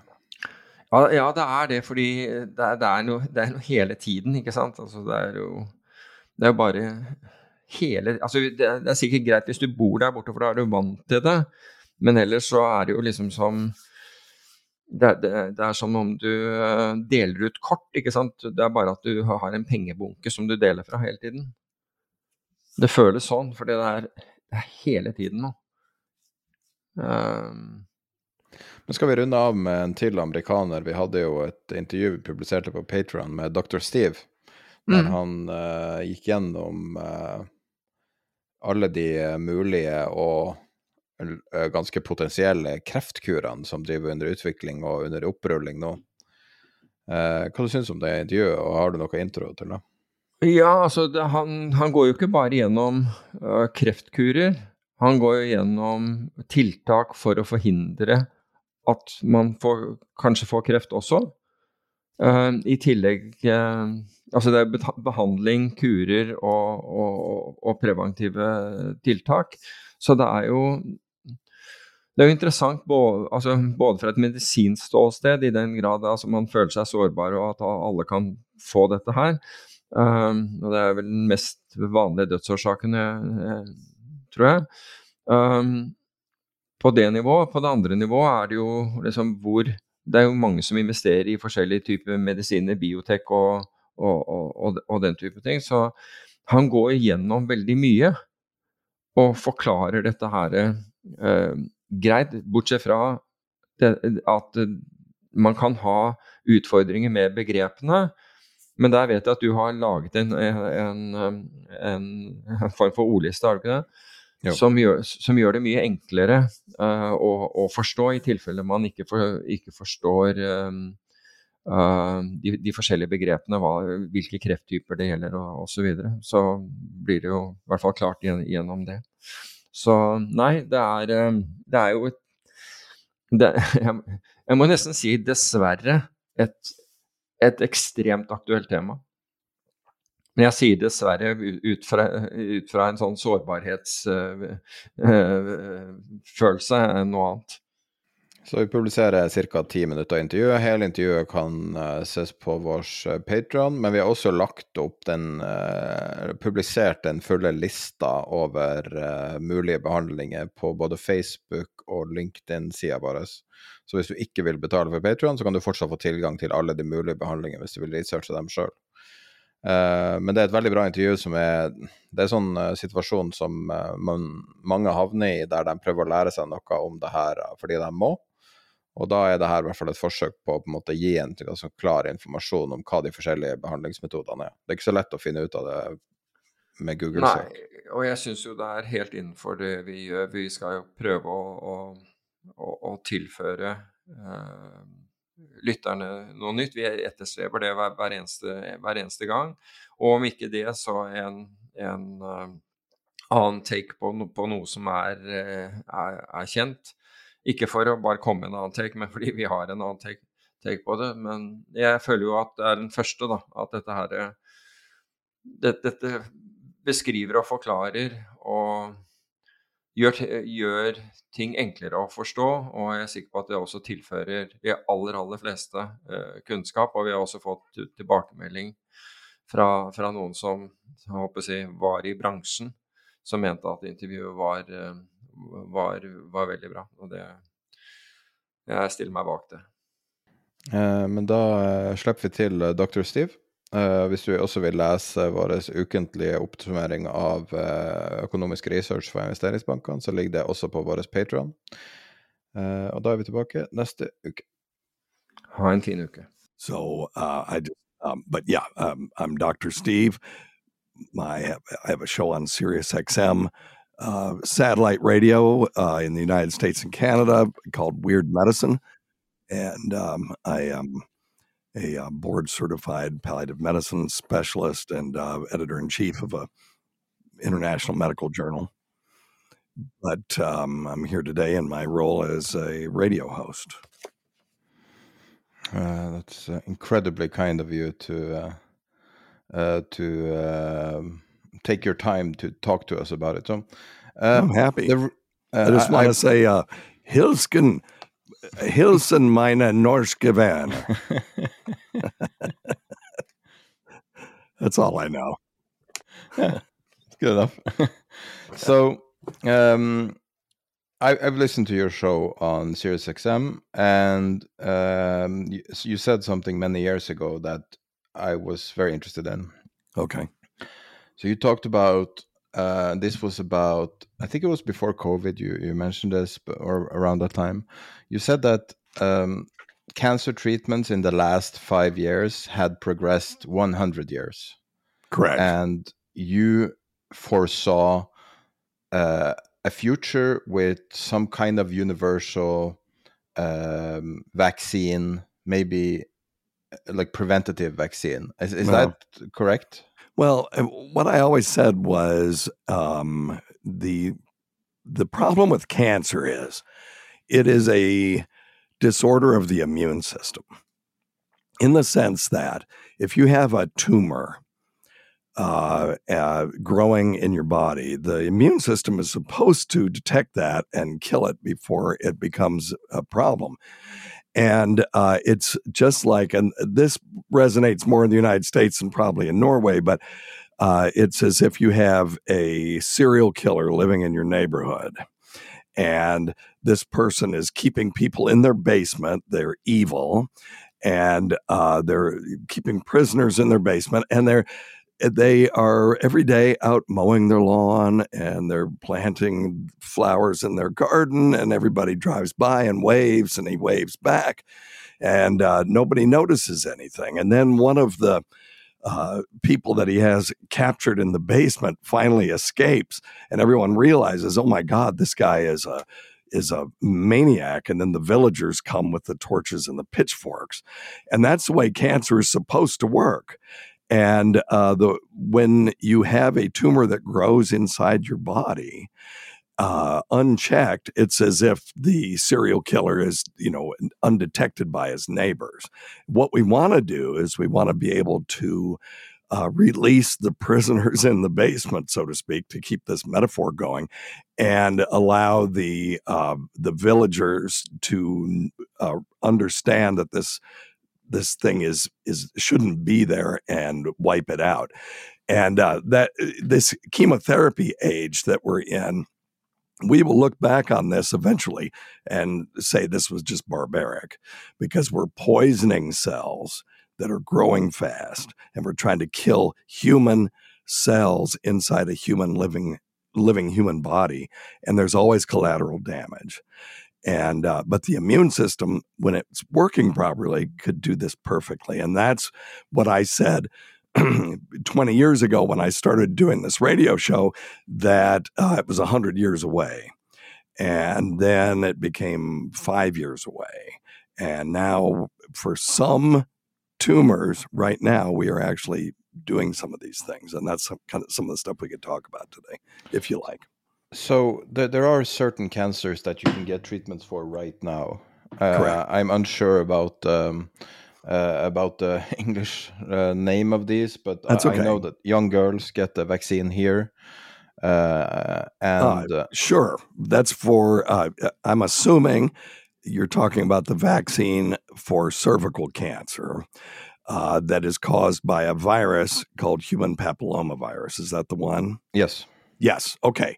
So, yeah, let's talk about that. This is an amazing thing. We have two anti cancer uh, vaccines right now. One is the hepatitis B vaccine, that's a liver virus.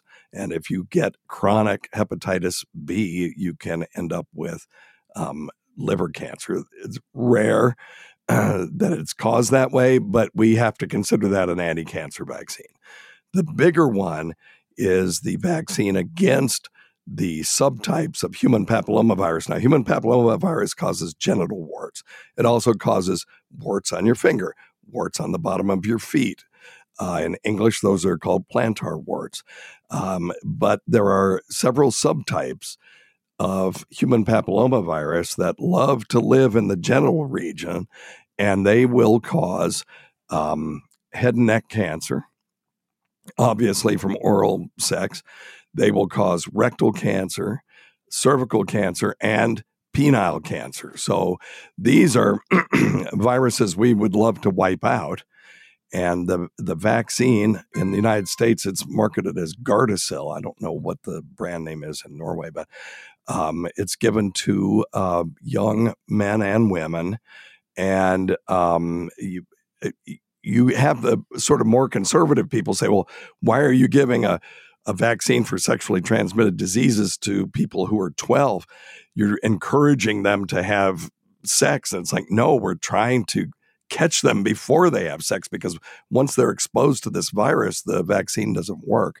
So the uh, vaccine prevents implantation of the bad versions of human papillomavirus. You can still get genital warts uh, and you can still get other sexually transmitted diseases, but you won't get those. And we are already seeing a decrease in abnormal pap smears in women who have had uh, the the vaccine. And what we hope is in another 10, 15 years, we will have good data that shows a dramatic decrease in cervical cancer and other cancers uh, in that group that got that vaccine. We have heard about um, mRNA vaccines, and yes. there's been uh, development since I guess the 90s, and and now with COVID, we got, we got a global test of it, and right. now the same companies that made the COVID vaccine are bragging about certain mRNA vaccines for, um, I guess called melanoma. I think skin sure. cancer, sure, and uh, uh, uh, talking about the vaccine working as soon or being launched as soon as next year. Yeah. Um,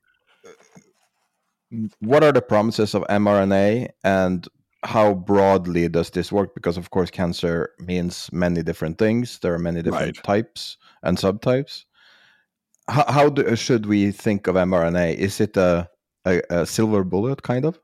Well, um, it's a tool that we can use until we get the more complete um, uh, generalizable treatment for cancer? I mean, obviously, yes, preventing cancer would be the way to go. The uh, vac- the mRNA vaccine that I'm currently aware of is one that's being tested for pancreatic cancer. It's actually a treatment for cancer, not a vaccine that you would go get and uh, and then never get the cancer. And uh, they that's uh, that's harder to test for. You have to vaccinate a whole ton of people and then sit back and wait. And we know that there are some downsides to all vaccines, mRNA vaccines, are a little controversial right now, at least for uh, COVID 19, because of uh, the uh, incidence of um, inflammation of the heart in some young men. And that number is non trivial. But, you know, the other side of that, if, if I may, is that the other thing that causes inflammation in the heart in young men is the COVID 19 virus itself. So this is still a controversial topic. But the uh, pancreatic vaccine is. Um, uh, be, is funded by the uh, National Institutes for Health, and uh, they're they are creating an mRNA uh, type vaccine that basically will if if you're, I don't know how sophisticated your uh, listeners are. I su- assume they're very sophisticated listening to your show. So I'll just give the very quick um, uh, overview of how mRNA works. It's messenger RNA. All it is is is a it's a set of instructions for the person's actual cells to make proteins. That's it. And uh, mRNA lasts in the bloodstream for a very short period of time and but it will inculcate itself into cells and then sort of uh, co-opt the the um, cells to make certain proteins. And in this case with the pancreatic uh, uh, or with melanoma it would be the same is you're creating a protein that is expressed on the surface of cells that the immune system then detects and then turns around and kills the uh, cancer cells because the protein that you're expressing is one that's only on those cancer cells. So it's a you're kind of tricking the immune system into uh, killing these cells. It's almost like you know you, have seen the things where they have uh, search dogs and you give the dog you know little Billy's sock and you and the dog sniffs the sock, and then you go go find little Billy in the woods, and then the dog goes and finds the kid uh, because of its smell. It's sort of like that. And uh, but this is a treatment, um, not yet a, uh, a, you know a preventative, but um, uh, we're a long way off on just preventing all cancer. That's sort of Star Trek stuff, in in my opinion. So when you talk about universal vaccine, it's for people who get a diagnosis. Right. And that these are not universal vaccines. These are tailored to the specific um, type of cancer. So you would have a vaccine for melanoma uh, proteins, you would have a vaccine for pancreatic cancer proteins. The, the beauty of mRNA is that it can be just manufactured in the uh, laboratory very easily. You just make vats of it. You don't need living cells to make it. Uh, it can be synthesized in the lab uh, and then uh, amplified in the laboratory. And so it's mostly free of um, uh, impurities, unlike uh, for example, vaccines that have to be grown on egg yolks and stuff like that, where you have to get the egg protein out of there and and uh, other things like that, or or vaccines that are grown inside bacterial bodies, because then you've got to get the bacterial proteins out of there. mRNA vaccines could just be, you know, you you you make the sequence in a computer and then you send it to the machine; it just makes it. So that's why they've been able to come up with these things so quickly. Hey, it's Paige DeSorbo from Giggly Squad. High quality fashion without the price tag. Say hello to Quince. I'm snagging high-end essentials like cozy cashmere sweaters, sleek leather jackets, fine jewelry, and so much more. With Quince being 50 to 80% less than similar brands. And they partner with factories that prioritize safe, ethical, and responsible manufacturing. I love that. Luxury quality within reach. Go to quince.com slash style to get free shipping and 365 day returns on your next order. Quince.com slash style.